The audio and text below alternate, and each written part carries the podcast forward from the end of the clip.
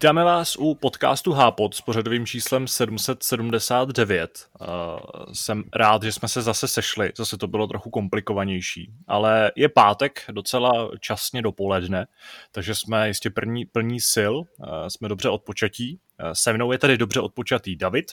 Čau. Je tady se mnou jistě dobře odpočatý Kuba. Nazdárek. A ještě nejlépe je odpočatý Lukáš. Ahoj.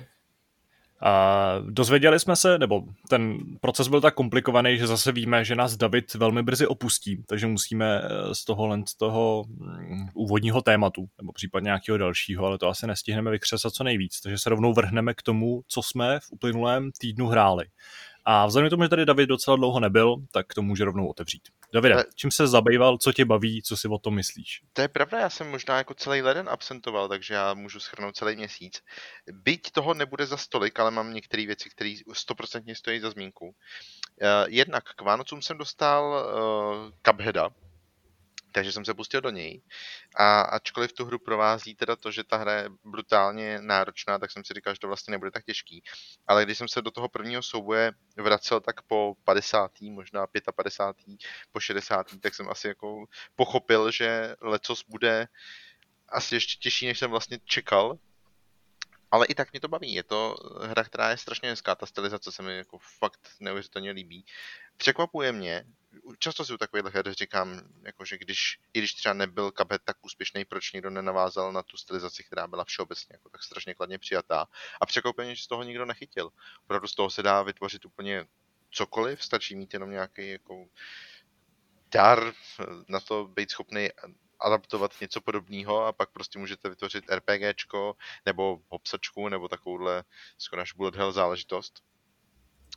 Ale uh, nejsem tam moc daleko, ale jako jsem odhodlaný to dohrát. Respektive tím, že jsem to dostal, tak eh, mi bylo nakázáno, že to musím dohrát, takže, takže se budu muset kousnout a pokračovat dál a přežít to, ale některé ty mise jsou prostě úplně brutální, jako to je neskutečný. A samozřejmě... A na jakou platformu jako si dohrál? Já mám rád a, a nějak... Na jakou platformu jsem to dostal? Na PS4, takže to hraju tam. Mm-hmm. Ale, ale jak víte, tak mám rád jako výzvu, eh, nepodvádím nikdy nebo něco takového, takže hraju standardní obtížnost a na tu lehčí odmítám jako přistoupit, i když už mě teda občas jako svrbělo minimálně se podívat, jak to vypadá. Ale ono Ale na té PS4 se těžko čítuje, no, tak chápu, že nepodvádíš. Hmm. jako jo, no. Ale tak máš návody, že jo, YouTube. To upřímně nevím, jestli by mi třeba v tomhle tom nějak jako pomohlo. Možná, no jo. určitě by tě naštvalo, jak ty lidi to udělali jako velmi snadno a říkají ti It's hmm. very hmm. easy, you just jo, jo. do. No, jak asi víte, prostě jsem z toho trochu občas jako vydeptaný, takže se potřebuju utěšit u jiných mnohem příjemnějších her, takže hrajeme Animal Crossing. Uh, musím říct, že mě teda z začátku neskutečně štval ten fakt, který se zmiňoval už po vydání, že vlastně, když máte dva účty na konzoli, tak uh, nemůžete mít vlastní, vlastní ostrov a bál jsem se, jak tohle to bude fungovat. Na druhou stranu, nikdy jsem to zvlášť neřešil a neskoumal, jak to vlastně funguje. Funguje to tak, že prostě jste na tom ostrově, jednom ostrově, jako dva, případně teda tři, čtyři, pokud jste na tom, pokud je vás na tom svědčí víc. A v tu chvíli mi to zase tak nevadí, nebo je to úplně v pohodě, prostě nějakým způsobem ten ostrov obhospodařujeme tady s Bárou Samozřejmě už jsme v fázi, kdy musíme řešit tuříny. Mimochodem to mě napadá, že bych se mohl podívat, jaká je aktuální cena tuřínu, protože to je něco, na co permanentně zapomínám, protože to se mění dopoledne a odpoledne a vždycky si vzpomeneme až pozdě. Ale e, ta hra je prostě samozřejmě strašně specifická. Já upřímně nevím, jak dlouho nás bude nějakým způsobem bavit. Vracíme se k ní cyklicky na pár minut každý den ale jako jestli si na ní třeba vzpomeneme ještě za měsíc, upřímně nevím. Tuhle chvíli prostě chápu a asi jsem to jako vždycky chápal, a teď jsem si to ověřil sám, že prostě je to fajn záležitost, ale naprosto chápu i to, že není pro každýho, že někoho prostě nemusí bavit, protože tam neděláte nic jiného, než děláte prostě v The Sims nebo něčem podobným. Ale protože já tyhle ty hry obecně mám rád, tak eh, prostě mě se to trefilo do vkusu. Mimochodem, když jsme u Switche, tak ještě můžu zmínit to, že jsem si Uh, tuším, už před Vánocema jsem tady řešil ty hry se Switchem, akorát jsem o tom nemluvil, tak jsem si koupil i Super Mario Odyssey. Tam jsem ale jako velice na začátku, nedostal jsem se k tomu nějak zvlášť, takže jsem odehrál jenom vlastně ten první svět a dostal se do toho druhého pouštního. Ale ačkoliv tyhle to jsem viděl, protože jsme to tehdy hráli ve vysílání a mám pocit, že jsem to i sám zkoušel a věděl jsem, že ta hra je jako kvalitní, tak prostě jenom ty kvality své ukazuje a jenom otázka času, než se k ní zase vrátím a budu jít hrát dál. No a poslední, asi abych to nějak zkrátil a neprodlužoval, i když si myslím, že bych možná ještě něco natrefil, ale v tuhle tu chvíli asi poslední věc, kterou aktuálně hraju, je nový Hitman, což je právě věc posledního týdne. Mám pocit, že poslední dva dny, možná tři dny. Uh, já, pro mě se to strašně těžko hodnotí, protože ten Hitman mě ta série obecně, nebo, nebo Hitman jako značka mě baví, baví mě tenhle ten typ her a nemůžu říct, že jak ten Hitman z roku 2016, tak ten dva roky starý, ta dvojka, eh, že by byly nějak jako extra dobrý, nebo že by se zařadili mezi moje nejoblíbenější. Pořád si myslím, že Blood Money je jako nejlepší díl ze všech dílů, ale má to svoje kouzlo, ostatně takový her moc nevychází. Problém je jenom ten, že prostě ty hry se strašně snadno jako rozbijou a, a mě to na nich ale brutálně vadí. Já hned první věc, co jsem udělal v první misi, která se odehrává v Dubaji, byla ta, že jsem šel do nějaký skříně, když jsem prostě po nějakých liánách tam, nebo po nějakých kitkách, které se plazily později, Vyšplhal jsem do patra, vlez jsem do skříně a prostě jenom tím, že jsem les do skříně ze skříně a vždycky s tlumičem z pistolí jsem někoho odpravil, tak jsem takhle sejmul asi 10 lidí, protože prostě můžeš. A ta hra to nějak jako neřeší, prostě za chvíli, za chvíli jako ten poplach skončí, přijdou nějaký další sekuritáci, kteří prostě zabalejí těla otáhn, nebo začnou je táhat někam pryč. A to mě jako vlastně strašně nebaví v tu chvíli, když vím, že nějakou neopatrností sice můžu způsobit nějaký poplach, ale vlastně se jako v té hře nijak zvlášť neprojí. Takže jsem nucený opravdu projít to tak, abych za sebou žádnou tu spoušť nenechal. Což je jako smysl té hry, jo. To není jako žádná škoda, nebo není to nic na škodu, ale prostě ten fakt, že když už se to nepodaří, tak se tím vlastně skazíte ten zážitek, protože se z toho může stát takováhle fraška, je strašně demotivující. Na a využíváš ty příležitosti, co tam máš? využívám, využívám, nebo snažím se minimálně o to, ono jich je tam tolik, že já jsem teda jich, vždycky třeba jsem rád, že najdu prostě dvě v té misi, nebo, nebo prostě, t- hraju to tak dlouho, tu danou misi, než nepřijdu na to, jak to nevyřešit tím, že tam všechny postřílím, protože to nemá smysl takhle to hrát. To znamená, někdy se mi podaří najít třeba na dvě, tři možnosti, někdy najdu jenom jednu, protože prostě to, ale říkám si, že hele, proč ne, zahraju si to poprvé takhle a pak se k tomu třeba vrátím ale vždycky to tímhle tím způsobem hraju. A v tu chvíli je to přesně jako super, protože v té Dubaji je prostě nespočet možností, jak vy ty, sva, cí, jak ty dva svoje cíle můžete odpravit. Jeden, z ně, jeden je lepší jak ten druhý, jo. Ta, ta zrovna dubajská mapa je docela fajn. Navíc líbí se mi, jak uh, ta hra je hodně taková rozmanitá v tom smyslu, takže vy prakticky po tom, co jste teda v nějakém luxusním nachodrapu, kde je mimochodem jako skvělý úvod, když vy na ní skáčete s padákem, což je teda sice jenom animace, ale přišlo mi to docela cool, že ta hra tímhle tím takhle začíná, tak uh, tímhle tím způsobem jako se, se dostanete do takového futuristického skoro prostředí. A pak další, hned druhá mise vás zavede na nějaký anglický venkov, nějakého starého, starého, já nevím, třeba 200 let starého sídla a má to úplně jinou atmosféru. A zase třetí, třetí díl je potom prostě uh, jako v Berlíně, takže to je zase úplně něco jiného v nějakém nočním klubu. Takže tyhle, ty, tyhle ty věci se jako střídají moc pěkně a vlastně když to vidíte v tomhle světle, tak si říkáte, že ta hra není vůbec špatná. Ale ten fakt, že může být špatná tím, že ji hrajete špatně, se mi prostě nelíbí. A přál bych si, aby IO měli trochu víc prostředků na to tohleto nějak vychytat. Už jenom proto, že to je vlastnost všech těch dílů, které oni v posledních letech dělají. Hele, já se tě ještě zeptám, my jsme hodně psali o těch zkratkách, který se tam nově můžeš otevírat. Využíval jsi i tohle? Třeba žebříky ne. nějaký a tak dále? Využíváš to tak nějak jako organicky, protože ten žebřík třeba je prostě zamčený a potřebuješ nějaký páčidlo nebo nějaký klíč, abys to otevřel a vlastně si ho schodil dolů, ale je to takový jako organický. Vlastně bys neřekl, že to je nějaká nová feature, protože prostě seš na střeše, vidíš nějaký žebřík, řekne ti to, hele, potřebuješ páčidlo, vedle v místnosti najdeš páčidlo, tak si řekneš, OK, proč bych to nevyužil. Ale že by si vyloženě jako pátral chodil a hledal, jak se někam takhle dostat, neřekl že to je jiný, jak v těch uh, jiných dílech.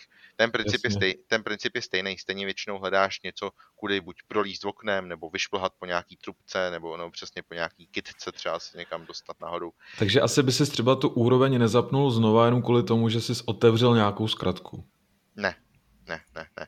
Ty obecně, že jo, tak obe, to bylo i v těch předchozích dílech. Ty tím, jak to dohraješ, a teď já nevím, jak to přesně funguje, když to dohraješ po třetí, po čtvrtý, nebo na jakém základě se tohle odemyká, tak ty v té misi, ty do té mise jako dostáváš různý proměny. Otevíráš si nový místa, kam ti někdo může dopravit nějaký tvoje uh, třeba zbraně nebo různý vybavení, můžeš si ho tam prostě nechat propašovat. Uh, otevíráš si nové možnosti, jako kde začínat vůbec tu misi. Takže tohle to jenom jako přispívá této rozmanitosti, že prostě máš trochu víc možností, ale upřímně nikdy jsem neměl pocit ani v tom prvním díle před čtyřmi lety, ani v tom druhém, tuším dva roky zpátky, eh, že by mi něco z toho třeba chybělo, nebo že bych si říkal, že to je eh, že to třeba neudělali dostatečně kvalitně na to, abych si to užil. Prostě hmm. tohle to funguje dost podobně, jenom je to nějaký rozšiřující možná prvek, ale Hele, a jednou, jednou z dalších novinek je ten foťák, který můžeš využívat k tomu, že si naskenuješ nějaký zařízení, který můžeš třeba vzdáleně odemknout. To, to si taky nějak zaregistroval? To jsem, zatím, to jsem zatím vůbec ani nezaregistroval. Upřímně zatím nevím ani, kde bych to tam nějak využil v těch misích.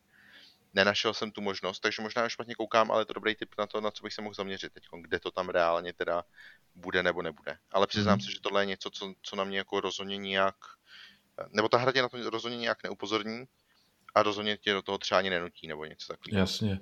Ale mě by vlastně nejvíc zajímalo, jak se ta hra liší od těch předchozích dvou dílů, protože se mi zdá, že třeba po grafické stránce je to vlastně skoro to samý a v, jde jenom o to, že ti přidali prostě další mise navíc, další příběh, ale v tomhle směru úplně navazují úplně stejně eh, na ty předchůdce, tak nevím, jestli se to v tomhle je nějak to, posunulo, nebo... Ne, je to přesně tak.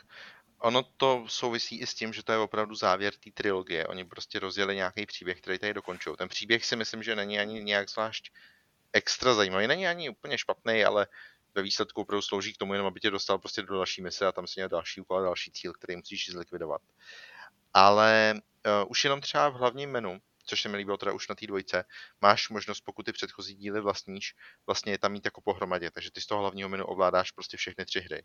Což je fajn, ale vypovídá to přesně o tom, jak ta hra je situovaná. Ona prostě se nemění. Ona, oni jako dojíždějí to, co začali, a řekl bych, že ani po grafické stránce, hraju teda na základní PS4, tak ani po grafické stránce se to nemění. Jsem zvědavý na hmm. PS5 verzi, jak bude vypadat, jestli, jestli bude výrazně hezčí nebo ne, ale je fakt, že uh, už i ta dvojka byla v některých ohledech jako fakt pěkná a ta trojka je v tomhle tom prostě pokračuje. Na druhou stranu jsou tam zase věci, které jsou takový, bych to řekl, jako laciný skoro až, protože prostě já mám furt pocit, že oni nemají za stolik jako financí na to, aby do toho vývoje nalili tolik peněz, nebo minimálně do této trilogie ne, tak eh, který by mohly být lepší, prostě včetně třeba, já nevím, když se člověk zaměří na obličeje nebo něco takového, tak to není úplně něco, eh, co bychom asi čekali od tříáčkové hry, ale pak si můžeme ptát, jestli to je vlastně vůbec ještě tříáčková hra nebo ne, protože mám pocit, že čím dál tím více dostáváme k tomu, že moc tříáčková už není.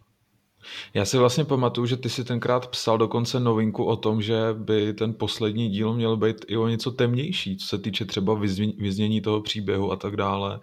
Projevuje se tam něco takového? No, ani bych neřekl. Jako ten příběh má nějakou gradaci. Já ještě nejsem úplně na konci, já jsem tuším v pátý misi ze šesti a pak tam teda předpokládám bude zase nějaký epilog jako vždycky. Takže jsem zvědavý, eh, jak se to celý jako vyvrbí, ale zcela upřímně, zcela upřímně jako nepocituju nic, co bych označil za to, že by bylo vyloženě temnější. On tomu přece nějak nasvědčoval i ten artwork, že jo, který je takový tmavý zase zpátky. Přesně tak, no. Ale hele, tohle je fakt jenom podle mě je zase nějaký marketingový tah, jak na sebe upoutat pozornost. Ale přesně, když bys jako nebyl člověk, který v tom má prostě, nevím, 50 hodin, tak podle mě ty rozdíly budeš hrát strašně těžko. A o tom příběhu to platí taky. On není vyprávěný jinak, on v týmy si není nějak jako načrtnutý jiným způsobem. Prostě všechno se dozvíš v animacích mezi těma misema, všechno, to samozřejmě souvisí zase, zase prostě s těma organizacemi, který tam, který tam eh, byly, to znamená, že se to točí kolem Providence, zase tam je prostě tvoje partnerčka Diana, se kterou tam jako taky je docela silně zpětá ta linka. A co na tom chceš vymýšlet? Prostě, že by se třeba někdo tam jako, že by tam byly nějaký brutální vraždy nebo něco takového. Ani v scénách, ani ve hře. Prostě já tam v první, já tam v první misi usmažil někoho elektrickým proudem, což bylo mimochodem jako fakt pěkný a bylo to prostě úplně stejný efekt jako v jakýkoliv jiný Hitman hře, protože tohle je samozřejmě, co jsme viděli prostě desetkrát. A mě tohle vlastně docela mrzí, no, že když my píšeme ty novinky o té hře, poslední dobou jich bylo docela dost, tak přesně píšeme o tom, v čem se liší to, že tam máš nějaký zkratky, to, že používáš navíc foťák a tak dále. A pak, pak tady vlastně řekneš, že to jsou věci, na které si sotva natrefil, že to jsou takové maličkosti, které absolutně nejsou schopný zahybat nějak výrazně s tou hratelností.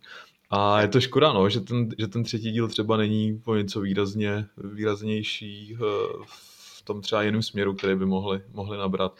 Jak říkáš, no, je to uzavřený, uzavření té eh, trilogie a Hitman si asi na nějakou dobu odpočne teď, bude následovat ten, eh, ten Bond, že jo, a uvidíme pak, s čím se vrátí jednou. Je to prostě podle mě daň za to, že si to vydávají sami.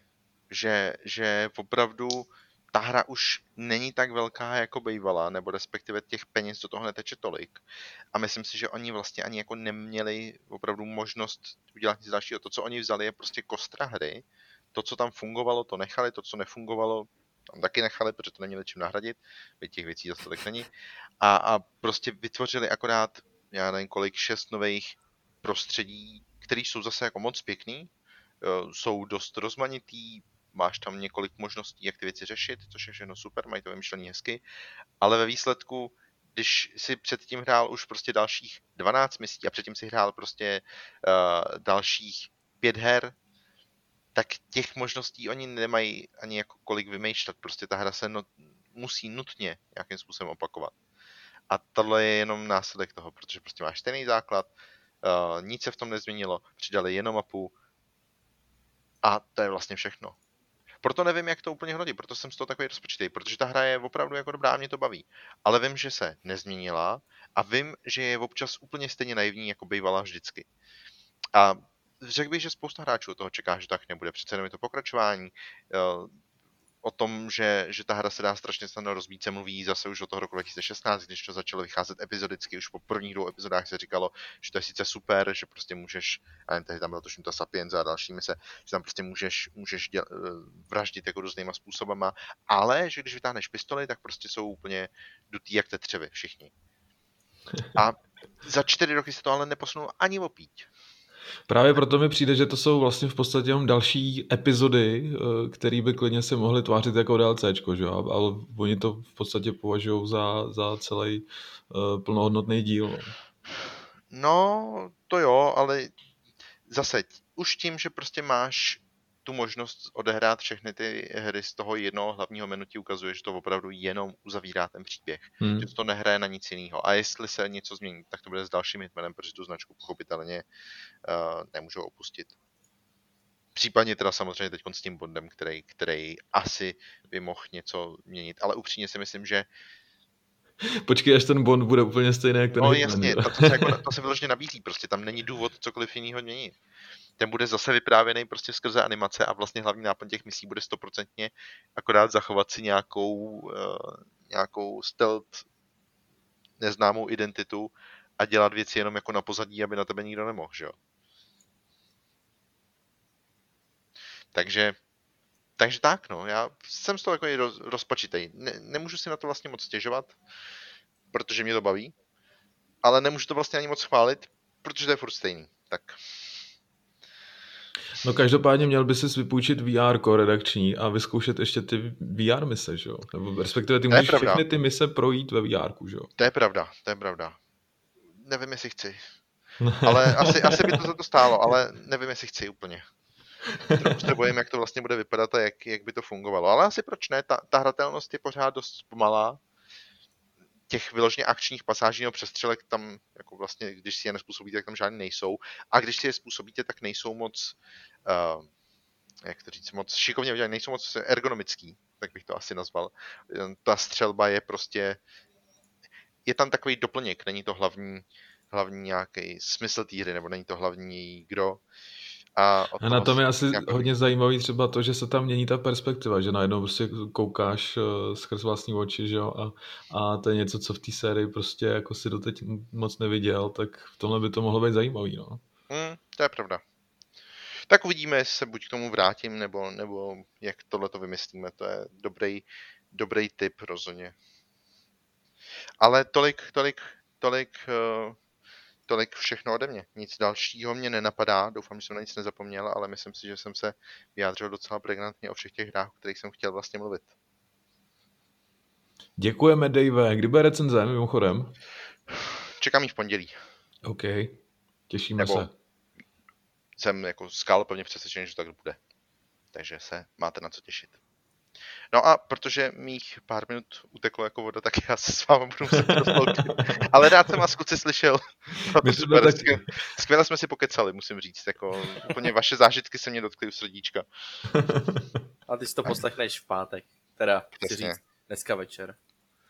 Přesně. Tak jo. Tak se mějte. Díky, že jste poslouchali ten podcast a poslouchejte ho ještě dál pár minut. Čau. Ahoj. Zatímco já jsem byl donucen dát si malou pauzu eh, ze zdravotních důvodů, tak jsme se rozloučili s Davidem, ale můžeme se měle pokračovat v našem prvním tématu. Eh, Další na řadě by mohl být eh, dle takových těch našich nepsaných pravidel Lukáš. Lukáš, hrál si něco za poslední týden, nebo i delší dobu vlastně? Ty jsi tady byl naposledy, tuším, hned po Vánocích. Já si myslím, že jo. Já si myslím, že jsem posluchačům, doufám, možná trošku chyběl nějakou další dobu. Uh, každopádně, tyjo, bohužel, já jsem delší dobu vůbec nic nehrál. Já díky pracovním povinnostem a další, dalším povinnostem vlastně mám teď takový období sucha herního, takže jsem se nedostal prakticky vůbec jako k ničemu. Máš absťák aspoň pořádnej. A to nehraješ ani Vovko? Mi říkáš, že neprogresuješ nějaký raidy, nebo... No to je jako jediný, o čem bych jako mohl mluvit, ale já už o tom mluvím tak často, že už to není vtipný, že jo. Ne, ale to, to jako upřímně je docela zajímavý, protože jsem teďka viděl eh, docela dost memů eh, v rámci nějaký té herní komunity, jak na Facebooku, tak na Redditu a podobně, který uh, mluvili o tom, že Shadowlands jsou jako fakt povedený, že prostě jsou hráči nadšený z toho, že, že ten content je jako povedený, endgameový a podobně. Tak jestli to taky tak vidíš, jestli jsi taky tak nadšenej, jako spousta hráčů, který dlouhodobě si stěžovali na to, že ty další rozšíření nebo ty další datadisky už nepřinášejí tu zábavu, na kterou byli u Vovka zvyklí. No já jsem, jak jsem říkal vlastně v tom vysílání a teď, eh, teď vlastně už uběh nějaký ten měsíc od toho vysílání, já bych řekl, že jsem jako furt eh, v té pozitivní části těch hráčů, protože ten content mě furt baví, eh, furt se jakoby otvírají nový a nový možnosti. A to, co se vlastně stalo v mé hráčské jako komunitě, nebo jak to říct, eh, tak novej, novej, novej rok, novej, nový začátky, nový všechno. Takže já jsem vlastně už eh, musel z určitých důvodů dropnout svého druida, takže už eh, nehýluju v těch raidech a rozhodl jsem se, že tuhle postavu, ať mě to s ní bavilo a jakoby ten začátek těch Shadowlandů jsem s tím odešel nebo prošel docela jako hojně, tak jsem se rozhodl, že ho dropnu.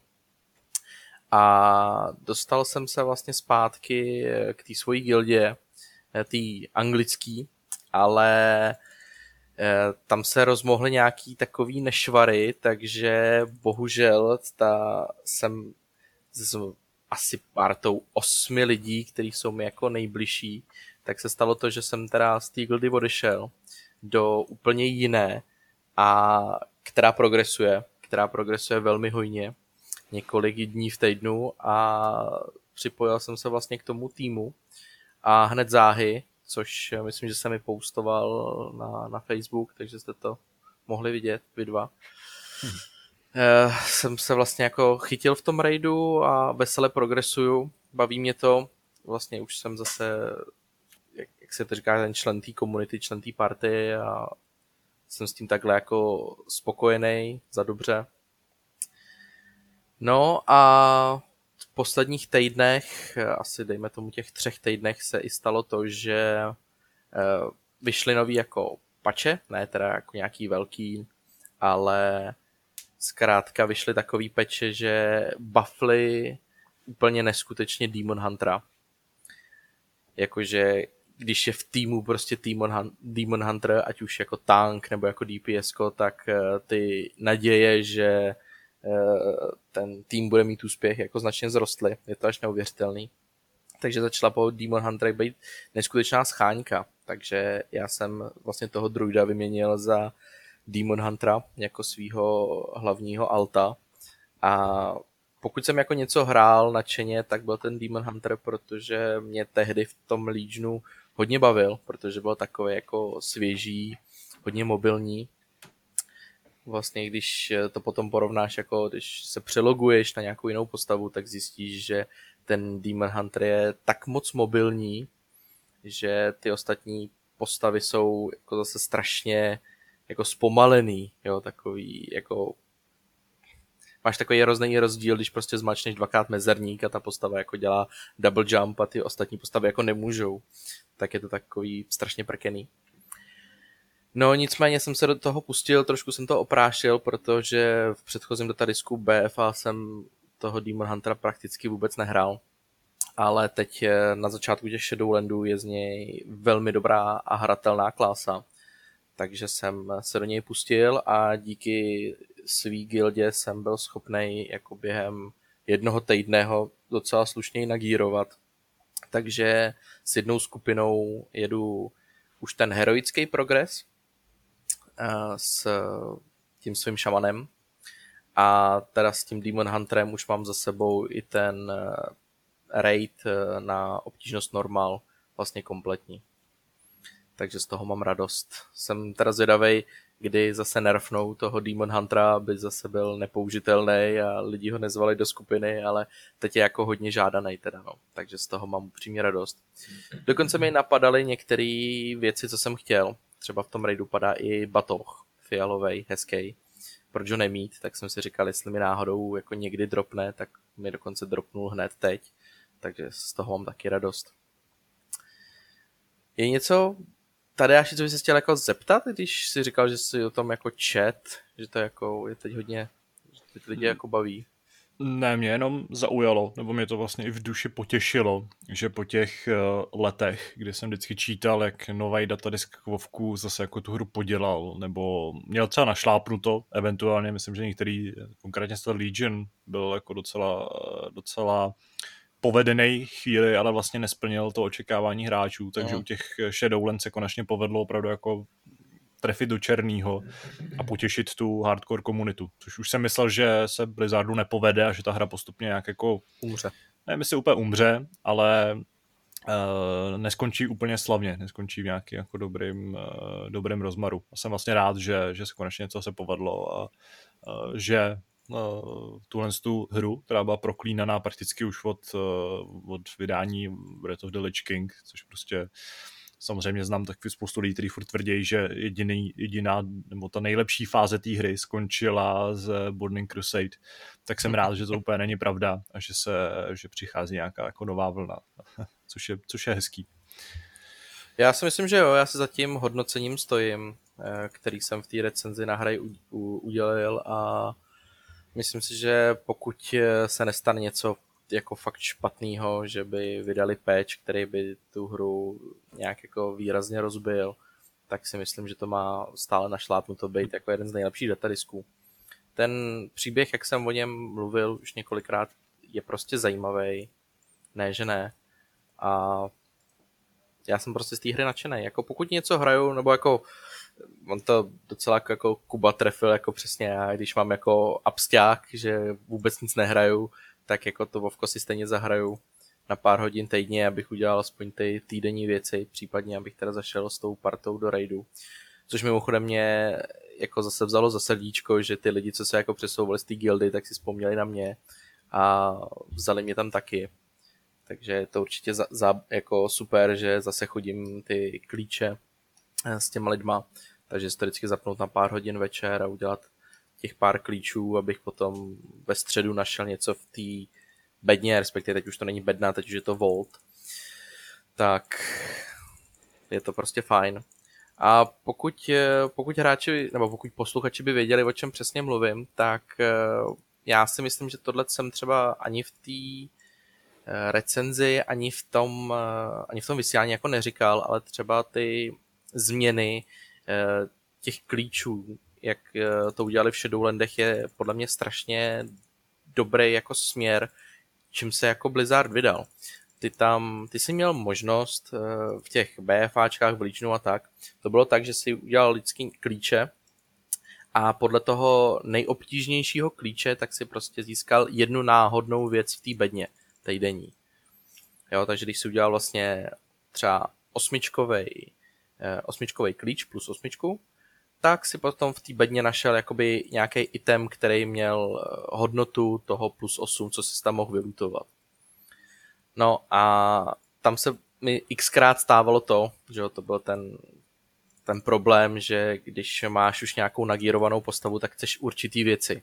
A že bohužel ten eh, loot je absolutně náhodný, nebo byl absolutně náhodný. Uh-huh. Takže když jsi měl úžasnou prostě stavku, tak se ti prostě stalo, že ti spadla znova. Jo. A naopak si potřeboval jinou věc a těch věcí, že jo, potřebuješ jako mraky. 16, 18 nebo kolik tam je těch itemů na sobě, takže jako vybrat si, získat z té bedny, to bylo to strašně o náhodě a nebylo to prostě příjemný, když si jako ten týden, řekněme, jako makal na těch klíčích, snažil se dostat co na nejvyšší obtížnost a pak ti vlastně spadlo něco, co vůbec nepotřebuješ. Tak v Shadowlandech to udělali tak. Začalo to teda trošku bizarně, protože Blizzard uznámil, že z těch klíčů už vlastně nebudou padat eh, věci jako tolik, jako do posud, protože vždycky, když si udělal klíč, tak si na konci našel taky nějakou jako věc, která mohla se ti hodit, nemo, nemusela, ale člověk se gíroval i tak, nejen jako z, tý, z těch beden a tak. No a oni oznámili, že už to jako nebude padat tak moc. Jo, že to prostě, že tam spadne jedna, maximálně dvě věci pro celý raid. Eh, pro celou grupu. Takže lidi z toho byli naštvaný, frustrovaný, že to nemá smysl vlastně dělat klíče, že můžeš udělat třeba pět klíčů a nic ti jako nespadne. Tak eh, udělali ten, teď už teda ne jako bednu, ale je to Vault, je to jako trezor a máš toho rozdělený na tři eh, jako podskupiny a v těch podskupinkách jsou tři okýnka. A z každého toho okýnka si jako můžeš mě napadlo přirovnání jako vánoční kalendář, jo, že tam máš okýnka a ty si můžeš vyloupnout z těch devíti možných okýnek eh, jeden item, eh, který tam je náhodně a můžeš si ho vybrat z těch devíti. A oni se dělají, těch devět se dělí, tři jsou na PvP, na honor pointy, tři jsou na ty klíče a další tři jsou na raid. Je to takhle rozdělený. A podle obtížnosti toho raidu, to podle toho, kolik nazbíráš eh, honor pointů a eh, podle těch klíčů, kolik jich uděláš, tak eh, se ti to okýnko odemkne. A podle té obtížnosti ti tam padne ta věc. A podle mě je to velmi chytrý nápad, protože teď tam máš potenciálně, já si odvírám třeba 3-4 okýnka týdně a padnou mi tam 3-4 věci. Jasně, některé jsou třeba slabší než ty ostatní, ale ty už máš vlastně na výběr jako několik možností, co si můžeš ten daný týden jako vylutovat. Jo, takže mně se třeba stalo, že tam spadlo jako úžasná věc na Demon Huntera, nějakých jako třeba 210 uh, eh, item level, ale já už jsem ji jako nepotřeboval, protože jsem měl třeba 207, takže ten posun by nebyl zase tak velký. Ale naopak z jiného vokínka mi spadla jako 197 ramena, a já měl prostě 150, takže ten posun by byl obrovský. Mm. Takže už si jako můžeš vybírat. A to je prostě skvělý. Já jsem z toho, z tohohle, z téhle možnosti jsem fakt jako nadšený, protože už se, už jako nestalo se mi ještě, abych si přišel k tomu týdennímu jako trezoru a nenašel tam nic, co by se mi hodilo. Čím víc okýnek otevřeš, tím máš jako větší možnost, že si tam otevřeš něco jako zajímavého. Takže jsi pořád spokojený. A to je dobře. Jo, já jsem, já se to za tím hodnocením v recenzích stojím, i když eh, zlý jazykové mi mohli tvrdit, že některé věci v těch Shadowlandech jsou jako pitomí. Já nebudu říkat, že ta hra je jako bez chyby, to určitě ne, ale oproti některým datadiskům, obzvlášť když jako ty starty byly třeba docela jako zabugovaný, tak tady prostě ten start byl jako velmi hladký, bylo to všechno v pohodě takže já jsem spokojený. Já v průběhu roku určitě budu jako o Shadowlandech mluvit dál.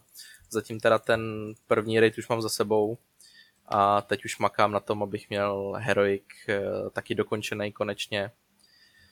Takže tak a bohužel teda nic jiného jsem ne- nehrál tenhle týden, i když eh, po naší diskuzi včerejší na, na Messengeru mám neskutečnou chuť si rozehrát eh, znova Resident Evil 7. K tomu se asi ještě dostaneme k Resident Evil, což bude zřejmě povídání Kubovo. A protože je asi nejzajímavější z těch, jako všech možností, tak si teďka vezmu slovo já, jenom rychle. Já jsem tady v minulém týdnu mluvil o tom, že jsem oprášil volant, že jsem jezdil v Eurotrack simulátoru a v téhle v tomhle tom trendu jsem pokračoval, i když jsem opustil svět kamionů, ale poprvé v životě jsem si koupil hru na jinou platformu, respektive jsem si koupil hru, kterou už mám někde, mám ji na Xboxu a koupil jsem si na PC Dirt Rally 2.0, protože mám vlastně půjčený volant, který není kompatibilní s PlayStationem, eh, s Xboxem, je kompatibilní s PlayStationem anebo s PC. Takže jsem si na Steamu eh, koupil Dirty, eh, Dirt Rally 2.0 a začal jsem hrát.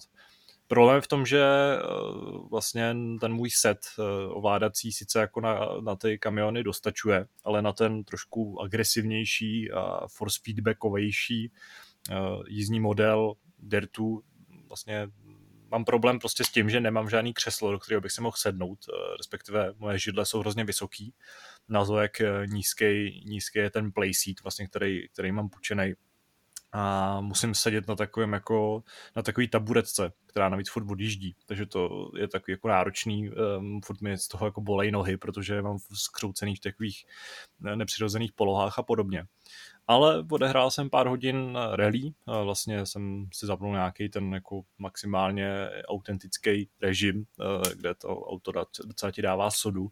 A ačkoliv jsem jezdil jenom s, ze starou lančí, tak mě to vlastně strašně baví s tím volantem. Musel jsem se od, od úplný píky zase znova naučit tu hru hrát, protože pokud jste někdy přecházeli z gamepadu na volant, tak mi asi dáte zapravdu, že prostě ten rozdíl je propastný jakkoliv se třeba s, s gamepadem už byli schopní nějakou tu RZ nějak zajet nebo nějakým způsobem ovládat ty auta, tak uh, teď je to prostě úplně jiná liga.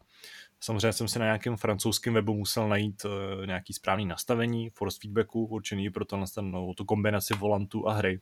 Ale naštěstí tím, jak těch periferií je tak strašně málo, tak prostě existují naprosto konkrétní nastavení, které můžeš použít a fungují dobře.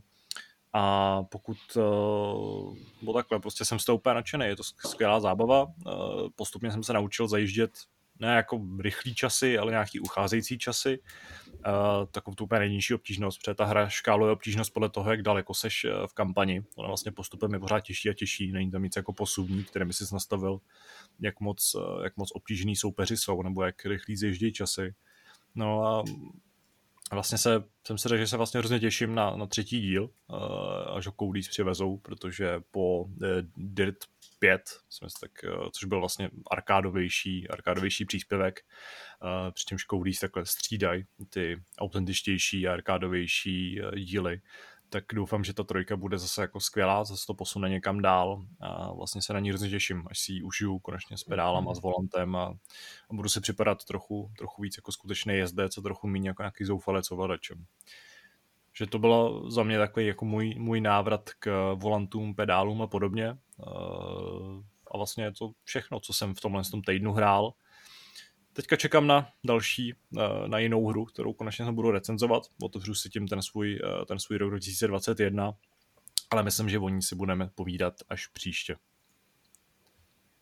Tak jo, já si teda vezmu slovo. Já bych chtěl ještě dodat, že Shadowlands, to může mít eh, Lukáš tady radost, protože Shadowlands označili naši čtenáři v invazi já jsem koukal, jako, já jsem jako nejlepší radost. rozšíření, takže velký potlesk. No a co jsem, co jsem hrál já? Uh, minule jsem mluvil o Astrovi, že to ještě potřebuji dotáhnout, tak uh, jsem ho dotáhnul teda. A musím říct teda, že jsem z toho měl eh, jako opravdu velkou radost, protože jak je to, jak je to krátký a ještě je to prostě udělaný tak, že to prezentuje ty mechanismy uh, nového ovladače. A pořád ta hra na tebe solí jednu novinku za druhou, tak eh, je to dohromady takový krásný kompaktní zážitek, eh, který ještě k tomu jako se jako může pochlubit eh, krátkou dobou, takže v tom krátkém časovém úseku člověk zažije prostě spoustu věcí a já musím říct teda, že mi chybějí hry, které jsou, které jsou takhle krátké, protože dneska už, je, dneska už je prostě normální, že, že když eh, něco zapnu, tak to má minimálně 15, ale spíš třeba 30 hodin. Hmm. A tady, když to stihneš prostě zahrát za ty 3-4 hodinky, tak je to parádní. Eh, finální boss, jak Tadáš avizoval v minulém háporu, tak ten byl eh, naprosto jako fenomenální a je hezký, jak se tam s tím pohráli. A líbily se mi vlastně veškerý ty náznaky na historii značky PlayStation, že tam máš veškerý ty periferie, třeba, já nevím, movie, který tam střílíš do vzduchu a tak dále. A všechno je to prostě krásně udělané, takže takže jestli je ještě nějaký majitel nového PlayStationu, který si tohle eh, neskusil a možná se tomu vyhnul, protože měl zrovna k dispozici Demon třeba Souls. něco lepšího, tak doporučuji se k tomu vrátit, protože eh, je to jedna z těch nejlepších her, eh, se kterou můžete tu novou generaci otevřít. A víš, že mě jako mrzí, že jsem si to vlastně nezahrál. No jasně, tak hele, doporučuji ti fakt, až se ti to znova dostane do ruky, abys, abys tomu ten čas dal, no, protože já jsem tady seděl na gauči, hrál jsem a, a Štěpa mě tady pozorovala a bylo hezky, jak prostě jsem se u toho upřímně smál, jo, že mě to prostě dokázalo takhle upřímně potěšit, tak, takže doporučuji. No. no a Včera večer se objevila informace o tom, že Resident Evil 8 eh, dostává demo, opět pouze teda pro hráče na eh, PlayStationu 5. Takže já jako momentálně jediný majitel v PlayStationu 5 jsem eh, byl odkázán teda do, do této hry. Nechal jsem si to až na ráno, protože večer, včera jsem se dozvěděl vlastně o půlnoci a říkám si, tyhle, Teď večer už to dávat teda nebudu, tam je riziko, že už bych pak ani neodešel do postele. takže, takže já, ať jsem teda asi největší strašpitel z redakce a normálně se těmhle věcem nevěnuju, tak jsem se do toho dneska ráno pustil. To demo má asi 30 minut, eh, možná ještě, možná ještě kratší, ale já jsem se tam zatoulal a vracel jsem se zpátky, když jsem, když jsem nemusel je to o tom, že tam musíš najít pár předmětů, eh, který musíš použít na konkrétních místech, takže, takže když je mineš, tak samozřejmě ti nezbývá nic jiného, než, než se vrátit. Trošku jsem tam bloumal, ale eh, nakonec jsem to dokončil asi za, za těch 30 minut. A musím říct, že já jako velký strašpitel eh, jsem teď přesvědčený o tom, že si chci vlastně vyzkoušet tu plnou verzi. Tady sice se to prezentuje tak, že to je taková vizuální ukázka spíš, to znamená, že tam nedojde na žádnou potičku, na žádný boj. Není to tak úplně pravda teda, ale je to spíš o tom, že chtějí ukázat, co dokáže ten jejich engine, co tam dokážou vykouzlit za vizuály a v tomhle, v tomhle jako si myslím, že se jim to povedlo než se vlastně to demo spustí, tak eh, po vás chce hra, abyste si nakalibrovali vlastně uh, úroveň světla, úroveň uh, té tmavé obrazovky, takže to, to tam je hezky pořešený už na začátku, tak jak to vidíme v těch posledních hrách. A je úplně jasný, proč se to tak děje, jo? protože zrovna to je věc, kde jsou prostě jako mistři v tomhle, protože ty tmavé místa skvěle kontrastují s tím, s tím světlem, který tam je, který ho není moc, ale myslím si, že s tímhle autoři hodně dobře pracují a, a díky tomu vytváří takovou hodně tísnivou atmosféru. Občas se přede mnou otevřely dveře a do té místnosti, která se otevřela, tak jsem ani nechtěl vstoupit, protože eh, to světlo a všechno působilo tak jako hodně creepy a věřil jsem, věřil jsem tomu, že tam na mě prostě někdo za rohem vybavne. Lekaček teda tam nakonec moc není. Jsem byl teda překvapený, myslel jsem si, že to bude víc intenzivní v tomhle směru, ale není to tak.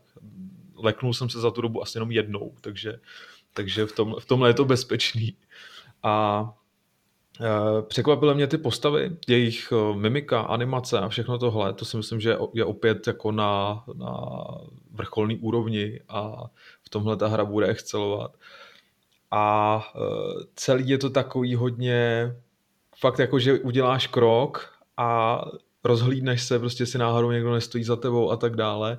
Nehledě na to, že ty, když se pohybuješ tím barákem, tou, to je asi vila nějaká nebo zámek, tak eh, slyšíš, jak tam někdo pořád chodí a nikdy tu postavu nevidíš, občas si můžeš jenom třeba zahlídnout, je to udělaný tak, že je to dobře jako načasovaný, takže občas třeba jenom vidíš, jak ta postava zahne prostě za roh, takže vidíš třeba jenom její ramena, nebo, nebo e, se něco prostě myhne tamhle někde v zákoutí, takže v tomhle si to dobře pohlídali, už v tom demu a věřím, že i v té plné hře to bude, to bude takový hodně vypiplaný v tomhle směru. No.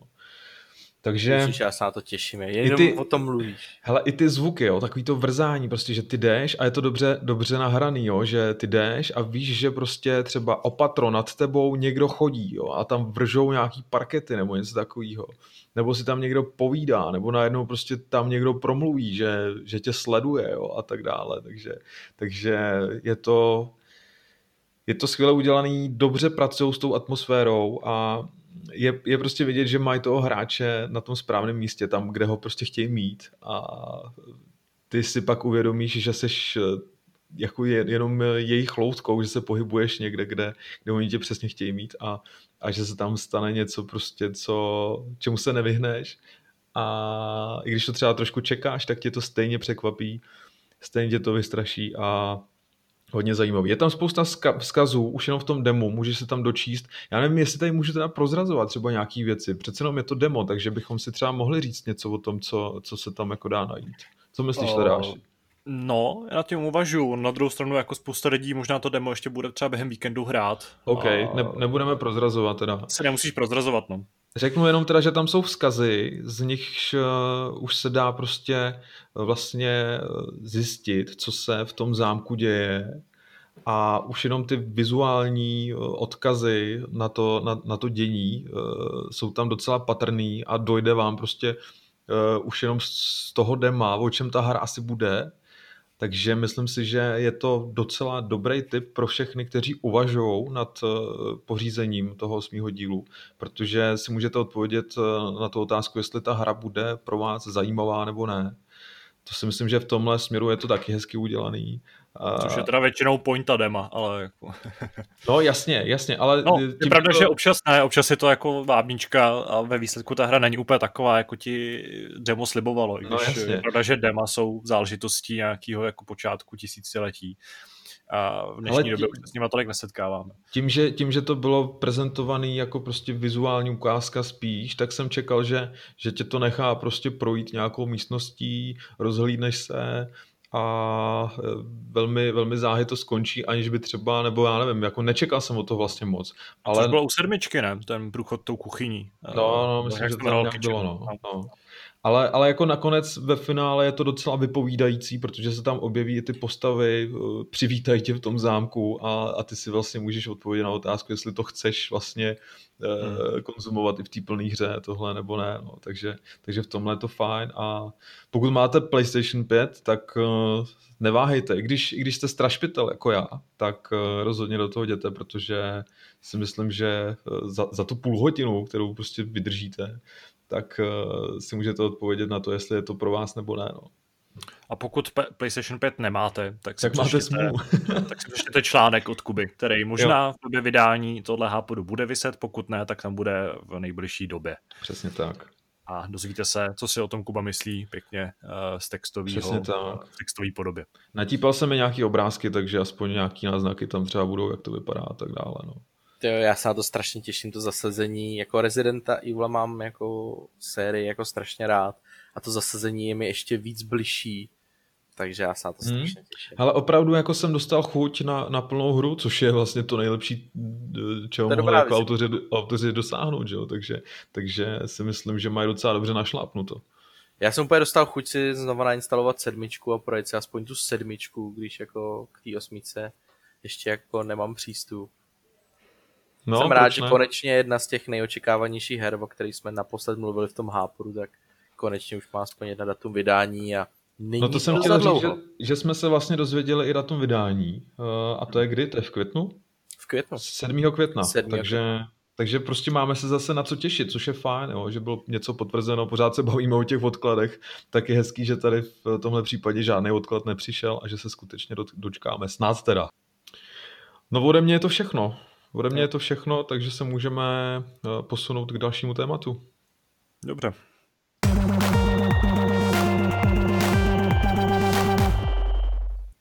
My se vrháme na naše první a zřejmě i jediné téma, protože jsme se zase eh, hrozně rozkecali a protáhli eh, ten úvodní, úvodní segment.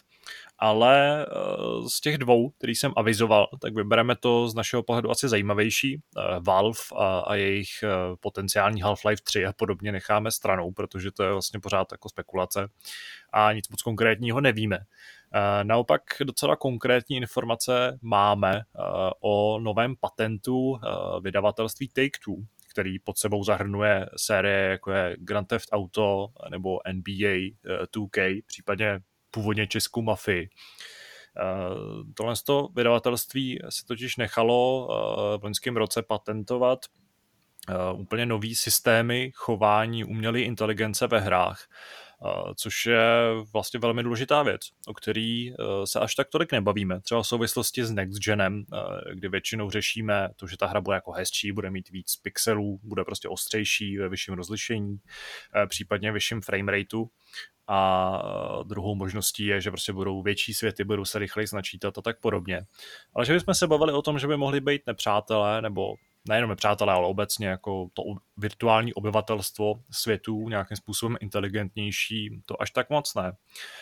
V Take-Two se na to zaměřili, a konkrétně v Radkově novince se mluví o dopravě, která by třeba konkrétně v GTAčku, ale logicky i v Mafii mohla být úplně eh, jako na jiném levelu, než na co jsme zvyklí.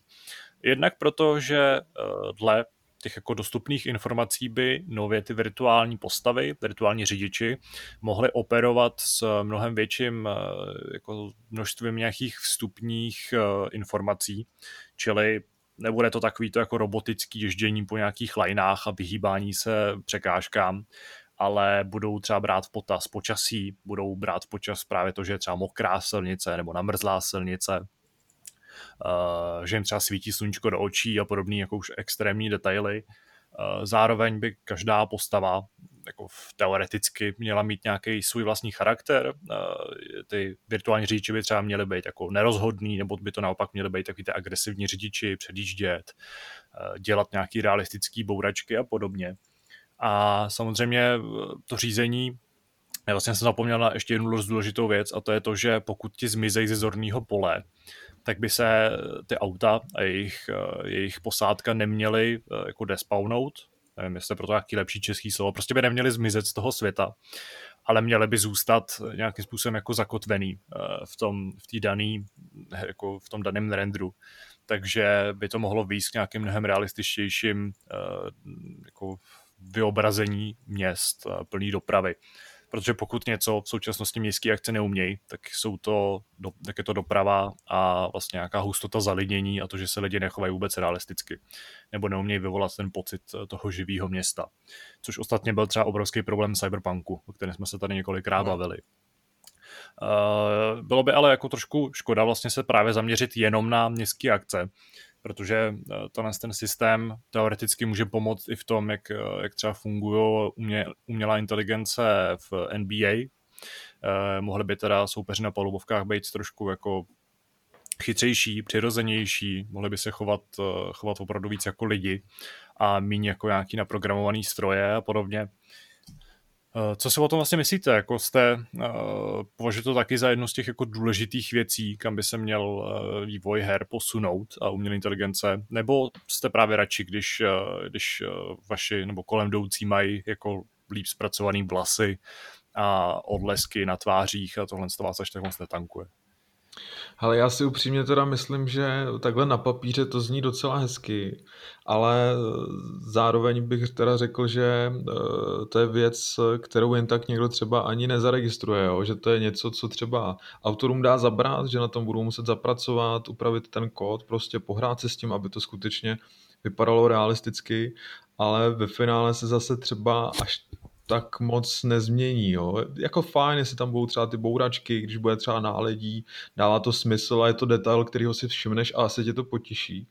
Eh, na druhou stranu teda si myslím, že eh, autoři spíš by měli asi usilovat, nebo zní to blbě, jo, ale oni prostě musí musí spolehat na to, že ty NPC postavy, který třeba potkáš v městské akci někde ve městě, takže jsou hloupí a že se prostě chovají omezeně, že prostě dělají kolečka kolem jednoho bloku, chodí pořád dokola, protože prostě se můžou na to spolehnout, že to tak je. Jo. Představ si, že třeba ty postavy budou mít eh, daleko širší záběr v tom, co třeba můžou dělat.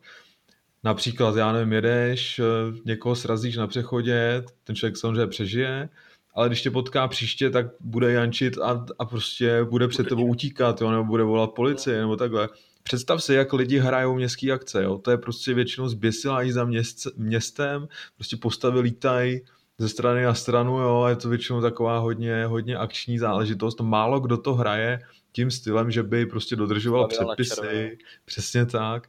A, a myslím si, že, že v tomhle nakonec by se jim to mohlo vymstít, jo? že nakonec by ty postavy reagovaly nepřirozeně, že, že by vlastně všichni v tom městě najednou volali policii, že tam je ten Magor zase znova. Jo? Ale myslím si, že by se to mohlo to, a to nazýváš jako nepřirozeným, jo. To, to jako je přirozený, akorát by se to asi úplně nehodilo do té hry. Nebo by to Jasně, ale když dost... ty v té hře něco zažíváš, to znamená, že tam něco, něco uděje, ty se posuneš třeba do nějaký příběhové části, něco odehraješ, eh, všichni jsou okolo tebe v pohodě a pak najednou jdeš, jdeš tím městem a, a všichni před tebou třeba utíkají, jo, nebo něco takového. Tak to, co hmm. si myslím, že by se jako mohlo, mohlo jim vymstít. Na druhou stranu si myslím, že by to mohlo zafungovat v nějakém Eh, režimu, který by jako spoléhal na to, nebo který by si hráči vlastně mohli zapnout, který by jako mohl být eh, ten realistický podle toho, jak se teda hráč chová, že by teda dodržoval všechny předpisy a tak dále. A v podstatě by tu hru nehrál, ale žil, jo? Že, by, že by byl součástí toho, světa a, a spoléhal by na to, že když udělá nějaký přestupek, tak se mu to může vymstít třeba i za hodinu, kdy jako třeba si pro ně může přijet policie, protože ho někdo někde viděl, nahlásil. Je to prostě sci-fi takový hodně, když se tady o tom takhle bavíme, ale myslím si, že, no. že by se to jako klidně dalo takhle implementovat. No. Ono to takový sci-fi není, už jenom proto, nebo já jsem si takhle vzpomněl na velkou paralelu z Red Dead Redemption 2, eh, což je, je hra, ve který no. tohle to tak trochu funguje. Eh, já nevím, jestli jste viděli třeba ty videa takových těch jako, eh, který rozebírají ten smysl pro detail, kdy ve městech, když třeba nějakým způsobem zraníš obchodníka nebo prostě prodejce v nějakým hokinářství a podobně, tak po nějaký době, když tam přijdeš, tak je třeba zafačovaný, má jo, prostě jo. ruku v sádře a podobně a začne ti jako, ne, že by tě nepustil dovnitř, nebo tě na místě jako odstřelil. No ale, ale mluví s tebou jako, jinak, že jo? No, mluví s tebou jinak, řekne ti, jako, že bude rád, když tentokrát ho necháš na pokoji a to je přesně hra, která ti dokázala, samozřejmě jako tam je obrovský rozdíl v tom, jak se hraje Red Dead Redemption 2 a GTA 5, uh, eh, což už jako reflektuje jenom to, že Red Dead Redemption 2 byla taková jako rozporuplně přijatá hra, že některý lidi si stěžovali, že to prostě není ono, že to je jako hrozně pomalý, rozvážný a podobně.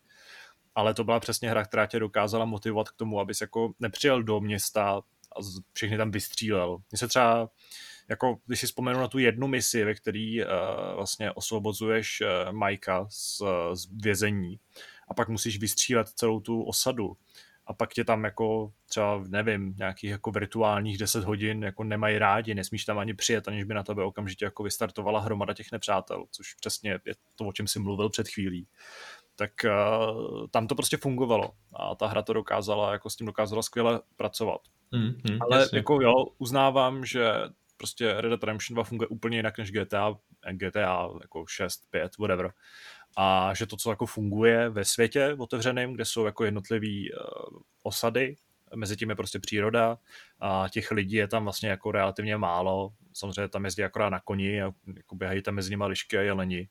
Tak eh, to, co funguje tady, by asi úplně nefungovalo v nějaký velký metropoli. Eh, teoreticky, kdyby jsme jako přišli s nějakým pokračováním GTA San Andreas, kde by bylo víc měst a ty se mohli vždycky jako stáhnout a z nějakého z, z, prostě z Los Santos utíct někam do San Fiera, tak tam by to asi teoreticky fungovalo, ale jinak uh, asi předpokládám, že by hráči nadávali, že prostě chtějí jezdit a přijíždět prostitutky a nechtějí řešit nějaký následky toho.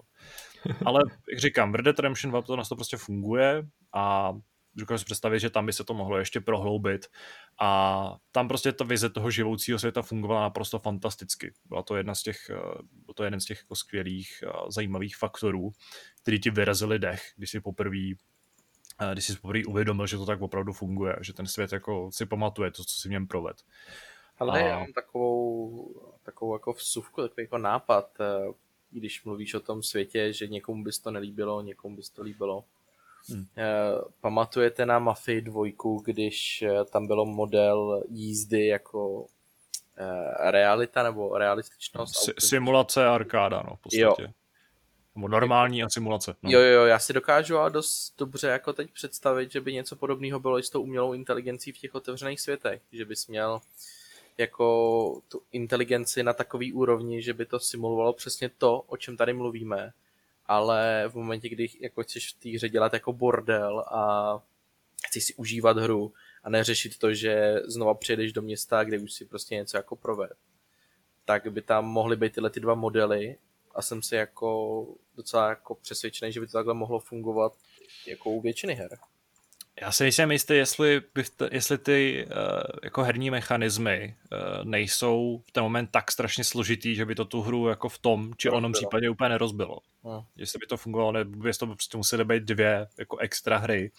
Tuplem, kde by tyhle ty dva režimy jako musely fungovat s tím, že tu hru můžeš dohrát bez jo, problémů a mít stejný zážitek. No. Jakoby ta jízda v té Mafii 2 funguje na podobném principu, že jo? E, jako si řekneš, že to je skvělý, jak eh, to vlastně klouže na tom ledu, říkáš hmm. si, jako, jak je to prostě super, jak je to zábavný, ale když jako to hraje takovej nímant jako já, tak si říkám, no ale já nechci prostě jako, aby mi to klouzalo na ledu, já když mám prostě honičku, tak chci, aby to bylo co nejvíc arkádový, abych to co nejvíc užil a neřešil, že to prostě nikdy nedojedu. No, jako tohle prostě ovlivní textový dokument handling.cfg, že jo? což je jako věc, který se lezlo v, v GTA, ve starších GTAčkách, aby si tam upravil třeba hmotnost auta. Ale mám pocit, že to, o čem tady mluvíme, o tom jako živoucím světě, že to bude rozhodně záležitostí víc než jednoho nějakého konfiguračního eh, dokumentu a, nebo nějakého prostě fyzikálního modelu, který by se akorát nějakým způsobem potlačil nebo naopak eh, jako akcentoval. Já s tebou, já s tebou vlastně Tadáši souhlasím, že, že si to mohli dovolit eh, v Red Dead, kde prostě těch obyvatelů světa hmm. podstatně méně než právě v GTAčku, kde si třeba můžeš i nastavit hustotu obyvatelstva, že jo? když projíždíš tou ulicí a, a tak dále. No. No, no, no. A myslím si, že právě tím, že je tam násobně víc lidí v tom městě, tak si myslím, že to bude mít eh, násobně větší eh, zátěž výkonnostní a nejsem si úplně jistý, jestli teda jsme se přesunuli do té nové generace konzolí, že, že ten nárůst výkonnostní je dostatečně velký, aby si mohli dovolit nějakou pokročilejší simulaci. Takže bych řekl spíš, že stejně to budou nějaký automatizované systémy, které budou fungovat, ale budou v podstatě hodně na základní úrovni. Jo. Teď dejme tomu třeba ta doprava, tam si to jako dovedu představit klidně, pořád to jsou jako situace, na které ty NPCčka automaticky reagují, ale aby, aby jim prostě programovali nějaký pokročilejší modely chování, kdyby reagovali třeba na nějaký situace a, a vzpomínali si na to, co se událo prostě kdysi dávno, to si myslím, že, že by hodně rychle zahltilo paměť, eh, paměť a pak už, pak už by to prostě jako v, v, v nějakou konkrétní chvíli prostě nefungovalo. No.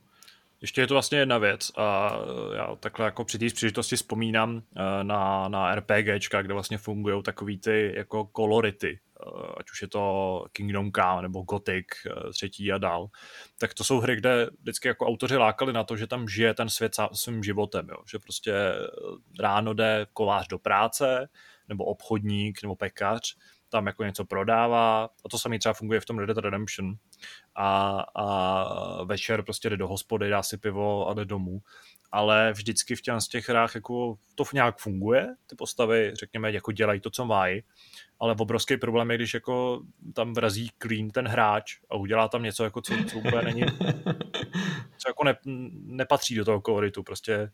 A to stačí jenom vrazit někomu sud do cesty, že jo, a už se to celý rozbije. A v tomhle hledu si prostě nejsem jistý, že jako někdy vůbec uh, bude schopná hra tohle nějakým způsobem jako řešit He, ty, jsi zmínil, ty jsi zmínil Gothic 3, tam přesně si pamatuju, že jsem četl tehdy ve skóre, informaci o tom, že tam bude stát někde stráž u nějaký pevnosti a jakmile dostane hr, prostě hlad a nebude mít u sebe dostatek jídla, tak se prostě zachová tak, že, že z té hlídky odejde a bude si někde prostě schánět jídlo. A v tu chvíli jsem si říkal, to, to je neuvěřitelný, prostě jako to je paráda, že jo. To je prostě pokrok dopředu. Nikdy v životě se to v té hře nestalo, respektive nikdy v životě jsem si toho já nevšiml, že protože tu hru prostě taky nějak hraješ, nějak k tomu přistupuješ. Pamatuju, že jsem, že, eh, pamatuju si, že jsem ty stráže přímo i sledoval, jak se chovají a tak dále. Nic, že jo, prostě stojí jak tvrdý i pod na místě od rána do večera, nic takového se tam neděje. No. No. Takže to je pak otázka, co jsou ty marketingové keci a co skutečně je mechanismus, který v té hře je zakotvený. No. Hmm. A samozřejmě jako v, konkrétně v tom Kingdom kam prostě šli uh, třeba ty obchodníci úplně jako rozbít tím, že si jim začal krást to zboží a když si měl vlastně dostatečně vyskelovanou tu postavu, tak si mohl ten zni- život úplně zničit a oni na to nebyli schopni nějak reagovat. Takže Zničit jako, život ta, obchodníka. Ta budoucnost tam je, uh, jako budu rád, když se ta umělá inteligence nějakým způsobem vyšlechtí, bude schopná nějakým způsobem reagovat, ale jako souhlasím s váma, že si jako technic, nejsem jistý, že je v technických možnostech dnešních konzolí, jejich pamětech a procesorech a podobně, aby uh, byl schopný svět, ve kterém je víc než řekněme jako tři postavy. Tam bych si dokázal představit, že v nějaký, jako, kdyby hra simulovala nějakou vilu, ve který by byl hráč a nějaký třeba tři další umělou inteligenci řízený postavy, tak by to mohlo nějakým způsobem uh, jako fungovat a mohl by se tam odvíjet nějaký zajímavý příběh. To je mimochodem docela zajímavý koncept, který bych chtěl třeba vidět někde. Ale v otevřeném světě, kde se pohybují jako stovky chodců, řidičů a podobně, tak plus právě třeba ty obchodníci a já nevím co, prostě nějaký kolem jdoucí a stánkaři a, a tak dále, a v momentě, kdy tam prostě vletí hráč s granátometem a kamionem, tak eh, se celý ten systém rozpadne, buď to ti jako spadne ta konzole, anebo prostě nebude to fungovat a bude to působit úplně stejně jako GTA San Andreas z roku 2004. Ale, Ale... mě teď v téhle souvislosti napadlo, jak jsi, jak jsi mluvil o tom, o té hře, která by simulovala třeba jenom nějakou vilu, jo. tak já jsem teď vlastně v týdnu psal novinku o Project Mara, se to jmenuje. Je to od Ninja Theory, a oni v podstatě jako skenujou jeden, jeden objekt, jeden byt velký, kde prostě se bude něco odehrávat. Tady jako necílej na nějakou pokročilou umělou inteligenci, ale jenom mě to napadlo, že vlastně takové projekty existují, že oni se naopak zase snaží procedurálním eh, generováním nějak zpracovat povrchy a podobné věci, tak je to hodně zajímavý. Takže, takže jako v, myslím si, že ty pokroky jsou v různých směrech a je, je jenom prostě otázka, s jakým výkonem eh, vývojáři jsou schopní pracovat. No. Na druhou stranu, teďka jsem si vzpomněl třeba na Alien Isolation, což je typicky hra, kde jako tohle to asi nefunguje tak, jak si to jako teďka představujeme, ale tam prostě byli schopní autoři vytvořit tu iluzi toho inteligentního nepřítele naprosto fantastickým způsobem, protože ten vetřelec občas respektive tam tě prostě nepřítel byl schopen překvapit tím, že tě nějak obchcel, což podle mě je jako totální eh, jako vítězství té umělé inteligence, jakkoliv toho bylo dosaženo. A no, nebyl to podvod, prostě tím, že se teleportuje a podobně, když to tak asi je, ale minimálně ti dokázali vnutit tu iluzi toho, že tě ten, eh, že tě ten vetřelec nebo ta, ta potvora nějakým způsobem převezla a že má ten svůj vlastní mozek a je schopná tě lovit. No na tu Což... těžkou obtížnost jo, ale pokud jsi zdal tu úplně nejtěžší, tak tam bylo jasně vidět, že podvádí už, no. Ale ta iluze, když jsi to hrál na tu jako doporučenou těžkou obtížnost, jak je hmm. tam napsaný na začátku, že si to máš dát vlastně na tu hard od začátku, na poprvé, tak musím říct, že to mě taky napadlo, když jsem mluvil o té umělé inteligenci, protože ta iluze tam byla jako fakt dobrá. No a teda až v těch sportovních hrách, tam se mi zdá, teda do toho moc nevidím, jo, ale zdá se mi trochu neuvěřitelný prostě, jak to dneska funguje, jo, že, že prostě jednotliví hráči mají nějaké statistiky, nějak se chovají na hřišti a že vůbec prostě Eh, ta jedenáctka dokáže spolu prostě spolupracovat a nějak fungovat na tom hřišti. To je taky vlastně něco, co my považuje, považujeme za nějakou samozřejmost, ale, ale to, že to takhle skvěle funguje, to je taky zásluha těch autorů, kteří se na tom museli dát hodně práce. No Tady je trochu problém v, v tom, no, jako takhle, každá sportovní hra uh, s tím, s tím vším operuje trochu jinak, podle toho, co to vlastně je za hru. Uh, třeba v, konkrétně v MLB, kde teoreticky v jeden moment jako simuluješ pálkaře a nadhazovače, tak tam je to jenom nějakým výpočtem statistik a nějakou jako pravděpodobností. Pak se do toho teda zapojí fyzikální model, který simuluje to, jak ten odpal jako trefil míček a pak uh, nějak to operuje s těma hráčema v poli a opět z hlediska nějaký pravděpodobnosti se akorát vypočítá, jestli se jim jako povede ten, eh, ten krok nebo nějaký ten jako nějaký to chycení a podobně, nebo ne. Tam je to relativně jednoduchý.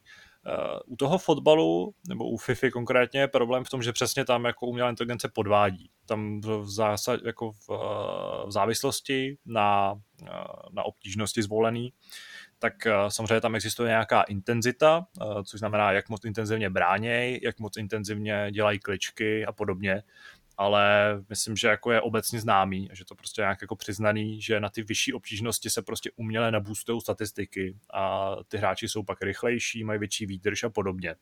Takže tam se prostě ta umělá inteligence naprosto jako regulérně dohání tím, že, že má jako fyzicky výhodu eh, ten soupeřův tým, i když to jsou nějaký čtvrtiligoví žabaři reálně a tam jako by musel být ten systém nějaký pořádně pokročilej. No, a pak jsou tady samozřejmě ty jako americký uh, sportéry, uh, Madden nechám stranou, tom vůbec jako neznám, ale jsou tady ty jako komorní, těch 5 na 5, což je prostě hokej a basketbal. A to mi přijde, že hokej má problém s tím, že ten je strašně fyzikálně složitý, takže tam to nikdy nebude vypadat do, eh, jako ten opravdový sport, dokud se nějak nevychytá ten model fyziky a umělá inteligence tam asi jako nehraje až tak výraznou roli. A u toho basketbalu tam jako tam myslím, že to mají vyřešený docela dobře. Konkrétně prostě v NBA 2K ten, eh, ty zápasy vypadají fakt skvěle. I když jsou simulovaný, tak prostě vypadají úplně nevěřitelně. Eh, k tomu samozřejmě přispívá to, že ta hra má jako obrovský, obrovský půl uh, těch animací unikátních, které ty postavy mají. Takže tam prostě u těch sportů jde vždycky ruku v ruce ten jako model jako, jak, jak fyzikální, tak uh, grafický, prostě kdy animace a, a to, jak detailně jsou zpracovaný ty jednotliví hráči, a k tomu jsou prostě schopný postupem času, jsou vlastně vyladěný k tomu, že opravdu dělají nějaký jako docela chytrý, chytrý zákroky, chytrý pleje a e, tam ta hra jako podvádí výrazně míň, protože se to prostě může dovolit a může dovolit uh, tě jako efektivněji zbránit, dělat trochu chytřejší ty pohyby a podobně. Ale věřím, že uh, jako už léta se mluví, já si pamatuju, že jsem čet preview FIFA, FIFA 09 v roce 2008, nebo sedm, kdy se hovořilo o tom, že eh, když hraješ nějakým způsobem, že prostě, já nevím, jako hraješ po křídlech, tak se tomu ta hra přizpůsobí a nějakým způsobem jako třeba dostáhne v obranu a podobně a snaží se ti v tom nějak zabránit.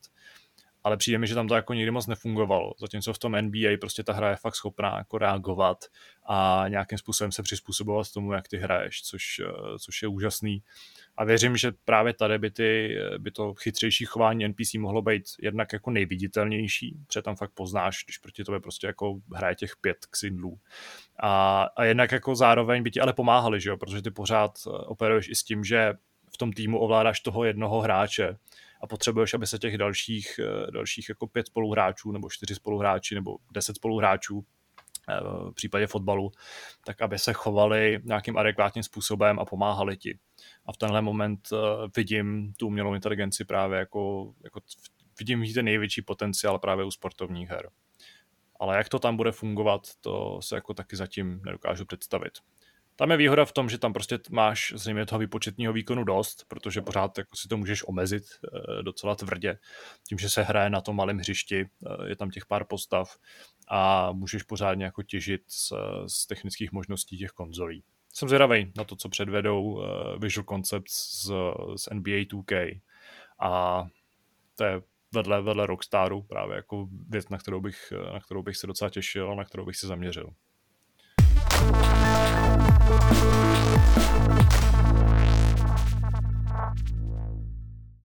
Přesouváme se k dotazům. Eh, tentokrát naš, eh, naše řeka dotazů hodně vyschla. Máme tady jenom v podstatě jako tady pravidelný přísun od Jamajčana, ale budíš, eh, vybírám tady hned ten jako nejposlednější nebo nejaktuálnější mail, který od něj přišel. Ahojky plantážníci, dotazy tu. Za prvé, modelová situace, kterou nikomu nepřeju. Je rok 2021 a digitální distribuční platformu Steam postihne toto zlo. Na Steamu zůstanou znám neznámých důvodů tyto tři hry, ostatní hry vůbec neexistují.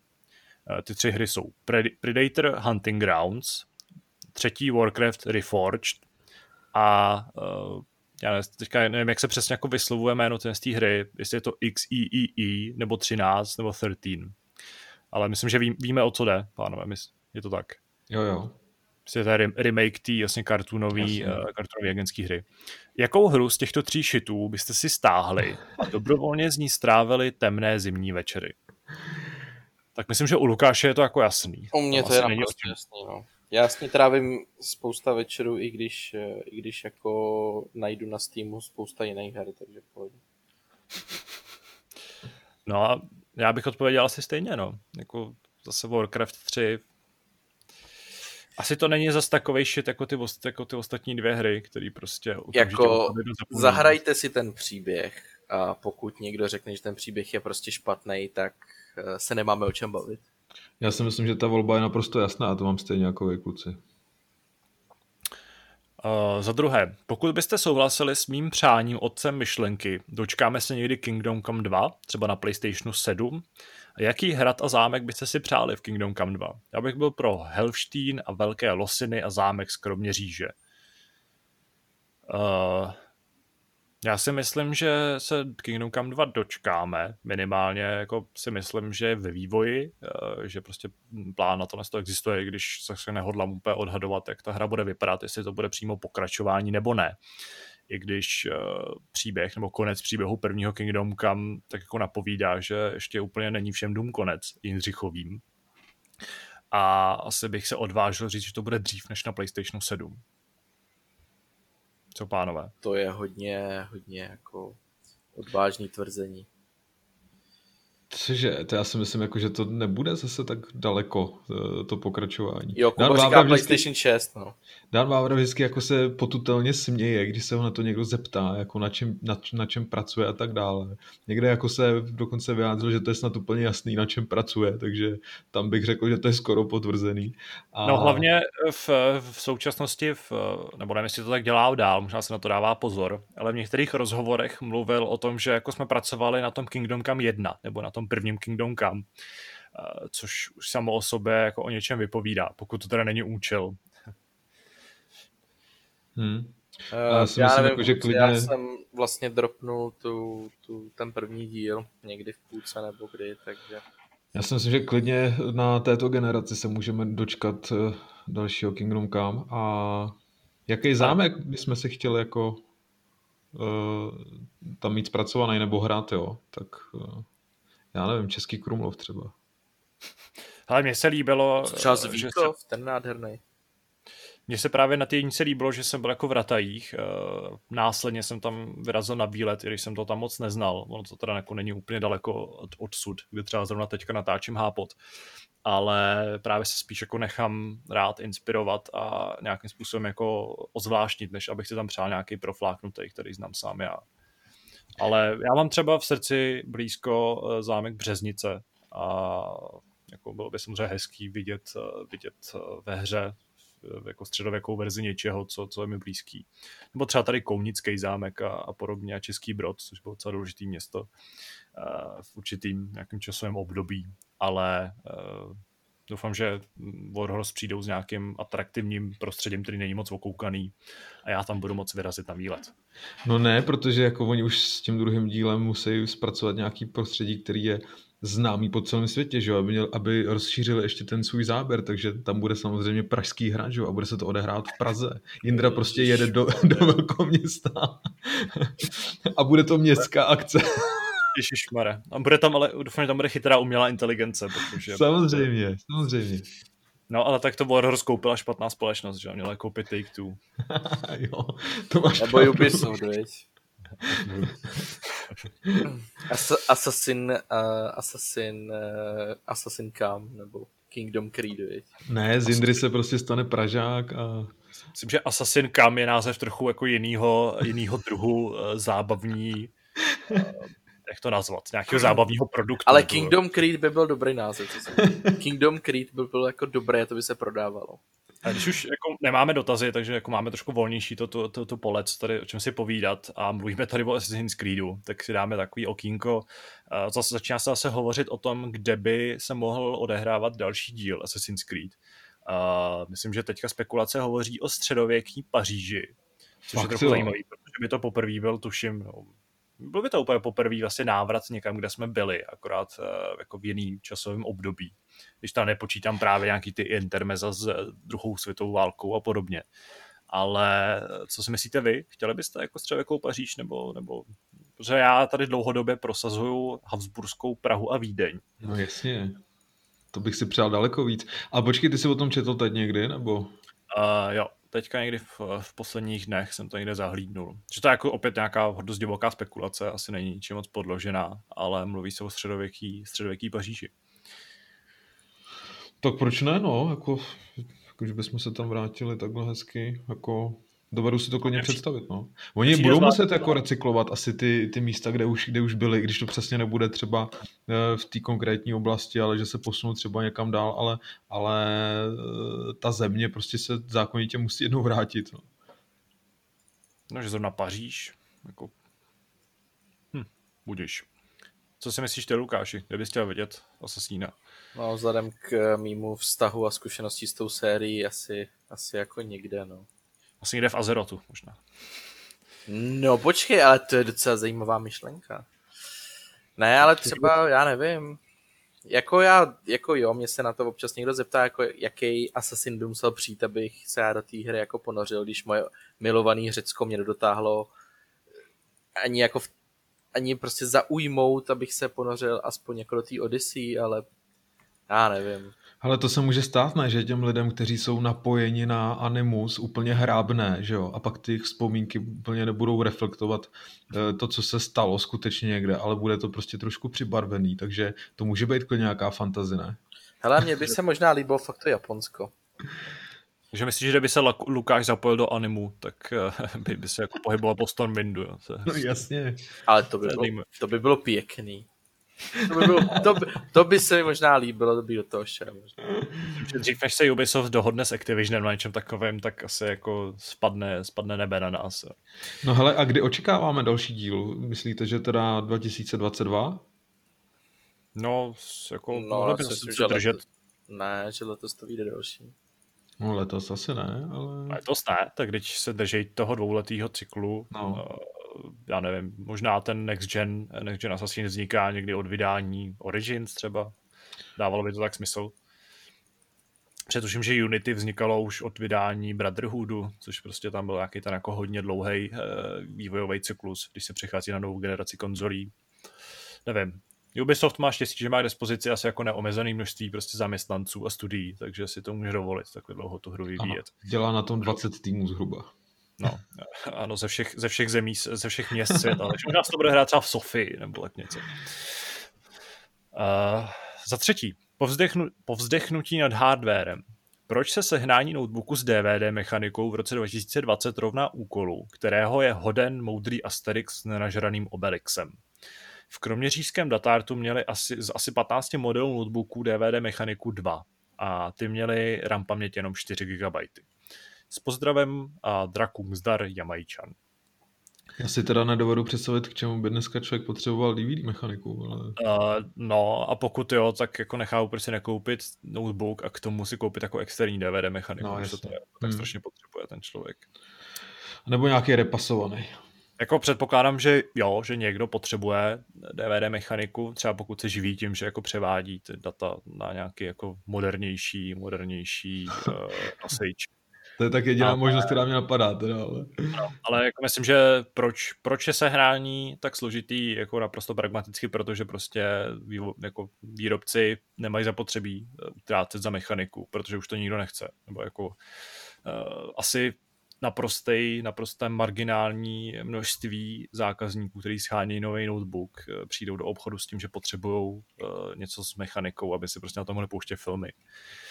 Takže uh, myslím, že, tady... si, že, že celý život kupuješ ty DVDčka, že jo? Děláš si doma tu knihovnu prostě, ze který pak chceš čerpat. A kupuješ najednou... takový ty strafiky, že jo? Takový ty no, v těch no, no. A najednou to nemáš na čem pustit, že jo? Prostě... No, to máš Netflix a tam to všechno máš, aniž bys to musel jako strkat do mechaniky, že jo. Možná bys mohl pustit svoji vesničku moc střediskovou. No a tak jsou lidi, kteří chtějí vytáhnout ten obal, že jo, z knihovny, čuchnout si k tomu, hezky pohladit to, vyndat to CDčko, je to rituál takový, že jo. No a pak zjistíš, že tam je jiný, že jo, protože tam jste člověk, prostě nemělo to. Nebo jim to překousal pes, a, no, což jsou prostě jako... je tady až, praxe, no. když už jsme u toho kabelu, eh, prosím tě, našel už si u, od Xboxu svůj napájecí kabel? Ne, ale asi si ho objednám prostě novej. Drama pokračuje. Proč jsem myslel, že napájecí kabel stojí asi 70 korun a jako nestojí mi to, to hledat, to radši si koupím novej, takže... No, poradí jeho přítelkyně potom schová znova, neboj. no, taky musíš kupovat do té doby, než už se nikam nevejdou, že jo, takže už není kam skovávat. No, a to by bylo z dotazů vše, pokud se teda ještě nechceme podívat na jeden mail, protože, protože řekněme, že to byla zábava. Tak jo. Ale jo, dáme ještě jeden. Uh, to je o něco starší, uh, konkrétně týden starý, ten nám přišel dokonce snad ještě do toho předchozího hápodu, ale už jsme ho měli natočený. Uh, kde byste měli možnost udělat pokračování jedné hry či série, která už je pozapomenutá, jakou hru byste udělali? Myslím, že ten, ten dotaz už jsme četli, ale zmiňuje tady Sport 2, což bych si teda docela přál. Mm-hmm. A další dotaz je ale, myslím, novej, ten si nepamatuju. Jaký máte názor na tvorbu studia Media Molecule a jaký nejdivnější level jste hráli v Dreams? A nemyslíte si, že by se mohlo Dreams bundlovat s PlayStation 5?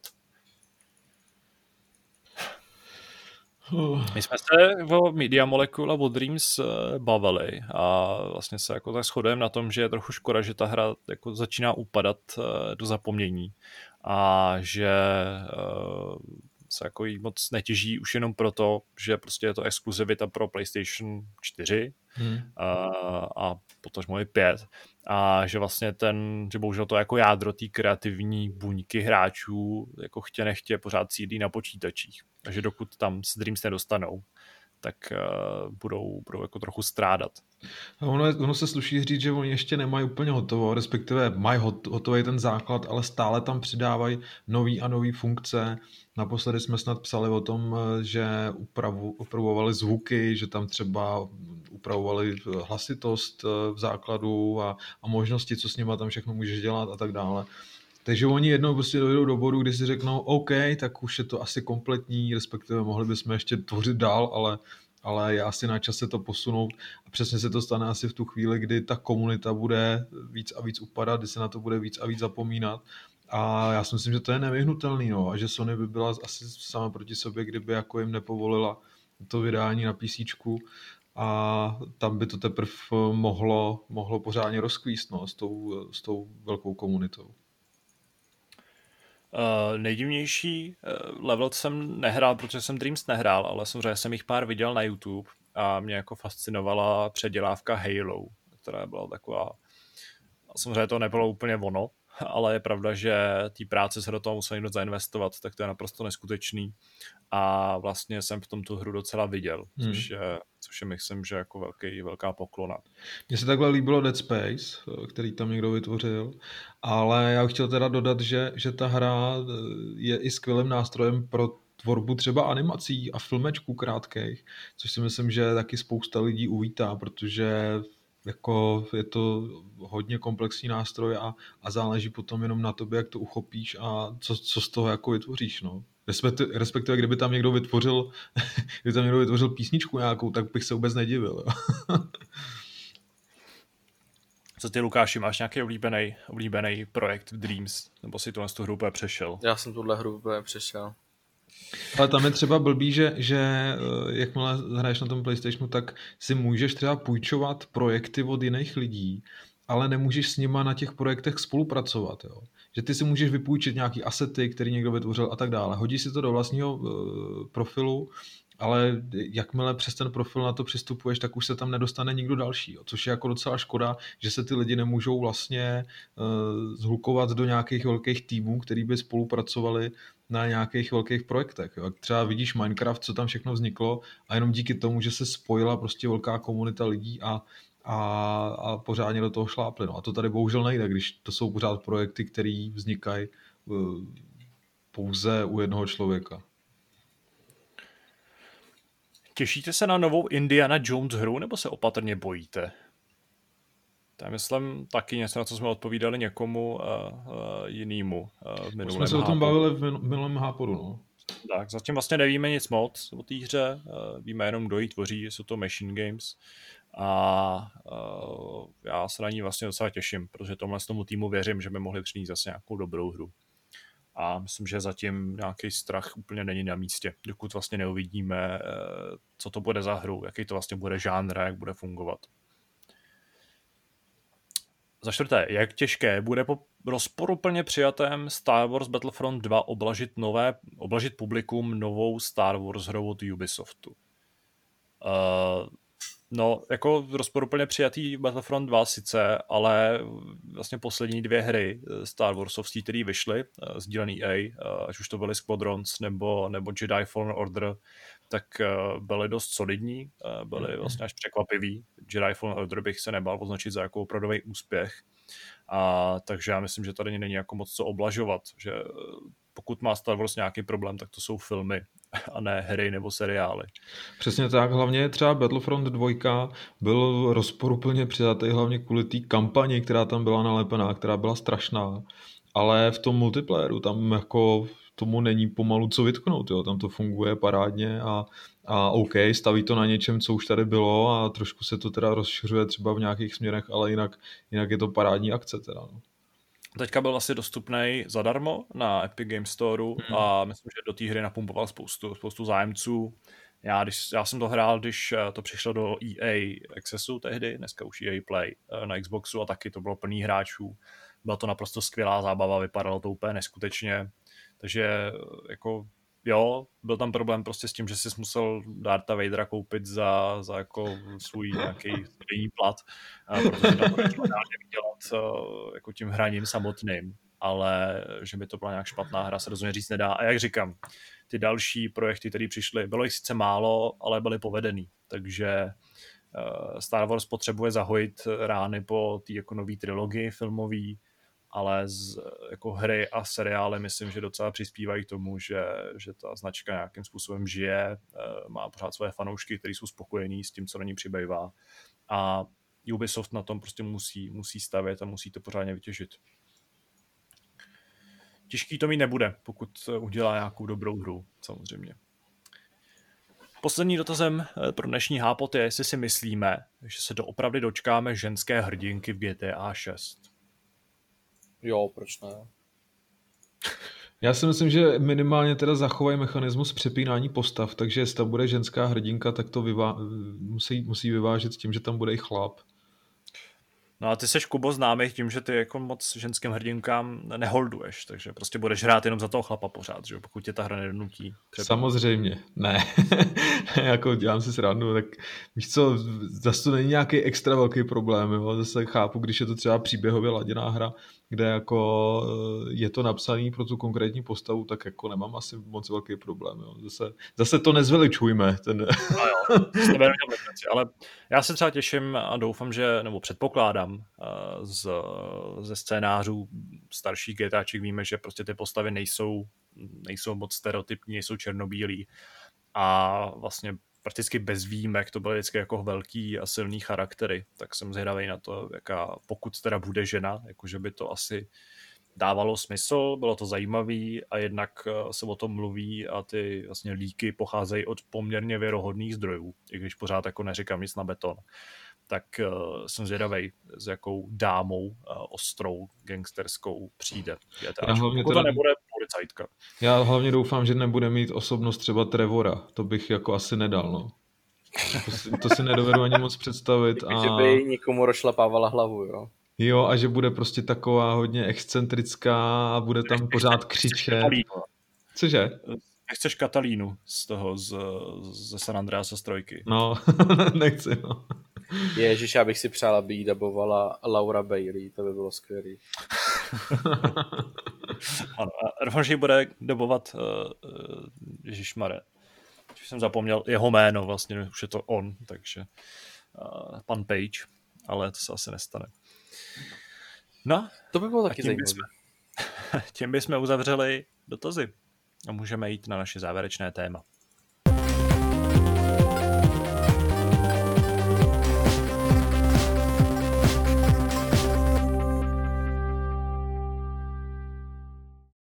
Došli jsme až na konec podcastu s pořadovým číslem 779, doufám, že jsem to teď řekl správně. Uh, a to tradičně znamená, že se podělíme o naše nejlepší nebo nejhorší zážitky. Máte někdo takhle něco v rukávu, co můžete rovnou vystřelit? Protože já se musím zamyslet nad tím, co to bude dneska. Ale já můžu rovnou vystřelit, protože teď v týdnu mě pohltila mánie kolem kryptoměn, takže jsem prostě investoval jsem prostě nemalý peníze do, do ani ne do Bitcoinu, jo. koupil jsem Ethereum nějaký a Litecoin a vtipný je, že jsem prostě sledoval ten trh samozřejmě, jak to tam vypadá, viď, a, a čekal jsem si na, to, na tu dobrou cenu. Ono to vystřelilo, říkám, ty tak to vystřelí ještě víc teď, že jo, tak to musím teď koupit. Takže jsem si ještě počkal, až to klesne, že jo. No, nakoupil jsem a asi hodinu potom prostě to spadlo o 20%. jako já, mám, já mám takový podezření, mně se nikdy moc nedařilo, co se týče jako peněz, jo, že bych něco vyhrál nebo tak. Jo. Já mám takový podezření, že mám smůlu v tomhle závratnou a že by mi vlastně ty firmy mohly platit za to, abych jako do jejich akcí neinvestoval. Já si myslím, že třeba kdybych, investoval, kdybych koupil akcie Sony, tak do hodiny se objeví zpráva o tom, že větráček prostě se po nějakým cyklu prostě zadrhne, nebo že se ta konzole začíná přehřívat a tak dále. Jo. To si jako dovedu klidně představit, protože já mám takovou smůlu. Takže celý trh je teď v hajzlu jenom kvůli tomu, že já jsem prostě investoval do kryptoměn. Všechno jde dolů samozřejmě ale všichni víme, že musí člověk vydržet a počkat si zase na ty lepší časy, že by byla chyba to teď zase všechno prodat, takže já zažívám teď eh, takový těžký období, nesnažím se to kontrolovat každou hodinu, jak, to, jak to teď zrovna vypadá, ale je to takový hodně zajímavý, no. A teď, teď máš ty videa, že všichni o tom mluví a jak to půjde zase nahoru a, a kolik bude mít Bitcoin a tím pádem i všechny další kryptoměny, které jsou na to navázané, hodnotu v roce 2021, že se to prostě z x násobí ta hodnota a tak dále. A to všechno posloucháš a říkáš si, jo, tyhle, to bude super, tak tam vložíš ty prachy nemalý. A najednou to jde všechno dolů. Takže to je můj zážitek. Je vtipný, že to říkáš, protože já jsem uh, minulý víkend, jsme tady nějak jako popíjeli víno a pak jsem se jako otevřel Revolut a... To, to je nejhorší, že toho chlastáš ještě. No, našel jsem tam nějaký 3, 3 eura 20 centů zbývajících, tak jsem si koupil uh, Bitcoin za závratný, v závratný hodnotě, tehdy to bylo asi 84 korun, 83.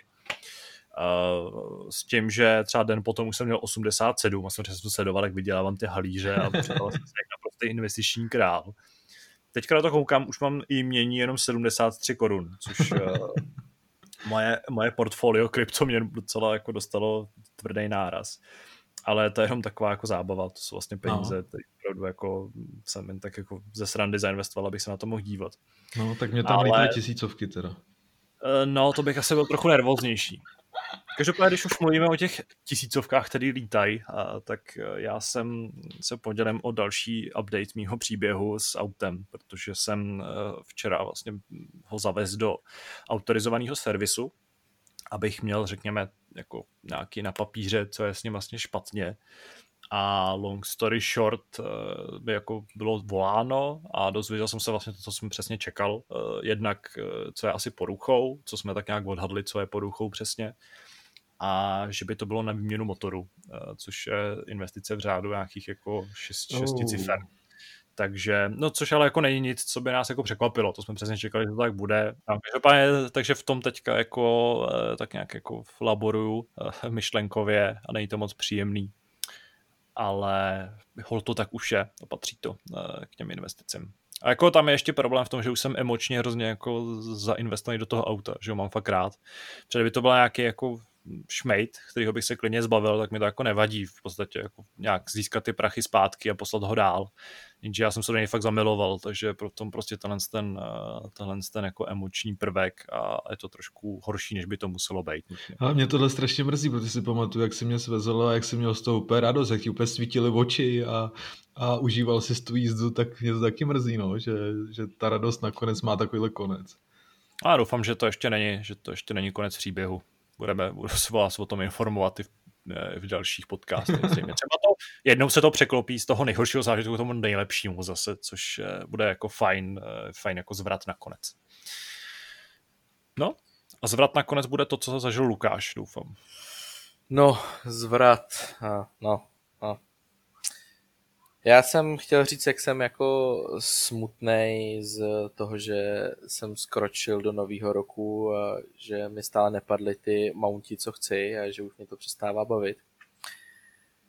No, mohl bych mluvit o tom, že eh, ten Warcraft 3 se stále neukládá, což je jako strašný fail. No, ale jako když mluvíte o investicích, tak já možná jako řeknu historku z, z investic, protože jsem přišel na to, že eh, Phantom Print, jak vydával knížky od nějakého roku 2003 až do roku 2012, překládal všechny knížky StarCraftu, Diabla, Warcraftu. A potom to po roce 2012 nějak utichlo, vyšly už jenom vlastně ty kroniky a kuchařka a takový ty filmové fláky. A já jsem jim xkrát jako psal dotazy během těch let, jako jestli budou vydávat něco dalšího, nebo jestli to mám prostě kupovat v angličtině ze zahraničí. Což jsem mimochodem jako vždycky udělal, že jsem si to poslal ze zahraničí. A tak nějak jsem přišel na to, že nebo vždycky odpověď byla stejná, že vlastně jim prej váznou, váznou práva. No a já jsem si vlastně uvědomil na nový rok, že si jako bych mohl doplnit tu sbírku, že mi jako pár Starcraftů a Diabla jako chybí. No a zjistil jsem, že ty knížky nejsou jako nikde a že ty lidi, co už je mají, tak je prodávají za jako poměrně vysoké ceny. Dejme tomu, že ta knížka, která stála dvě stovky, tak eh, to první vydání teď seženeš jako za 1500 já jsem to psal kamarádovi a byl jsem úplně s tím jako zděšený. Jako ty lidi se prostě úplně pomátli v té karanténě, prostě úplně zbláznili, oni jako chtějí prodávat knížky. A to jsem ještě našel inzeráty, že ty knížky jsou jako, ne jako v novém stavu, ale takový už jako strašně jetý. A dávají to prostě za 1500 a napíšou ti k tomu ještě No, jako hlavně mi nepište, že to chcete jako za menší cenu, protože jako mi to nevadí, já si to nechám na politice a za rok to jako prodám ještě za dvojnásobek, že No, tak jsem byl z toho tako trošku zklamaný, že mi jako chybí v té police pár těch eh, Starcraftů a, a toho Diabla a zjistil jsem, že ty ceny jsou prostě jako nereální a No nakonec jsem se rozhodl a našel jeden antikvariát, což pro mě taky bylo takový zděšení, že i v antikvariátu najdeš velmi velké množství knížek, které jsou úplně nový. Nejsou to jenom jakoby už čtený knížky, ale že jsou úplně nový.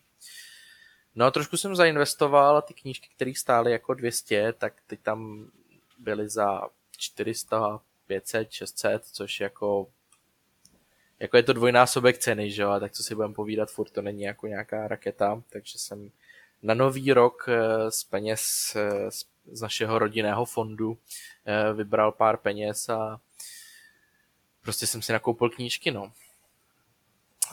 Ať už Diablo nebo Starcraft, ještě mi asi jedna, dvě, tři, čtyři chybějí a obávám se, že ty už jako nikde neseženu a jako docela mě to mrzí.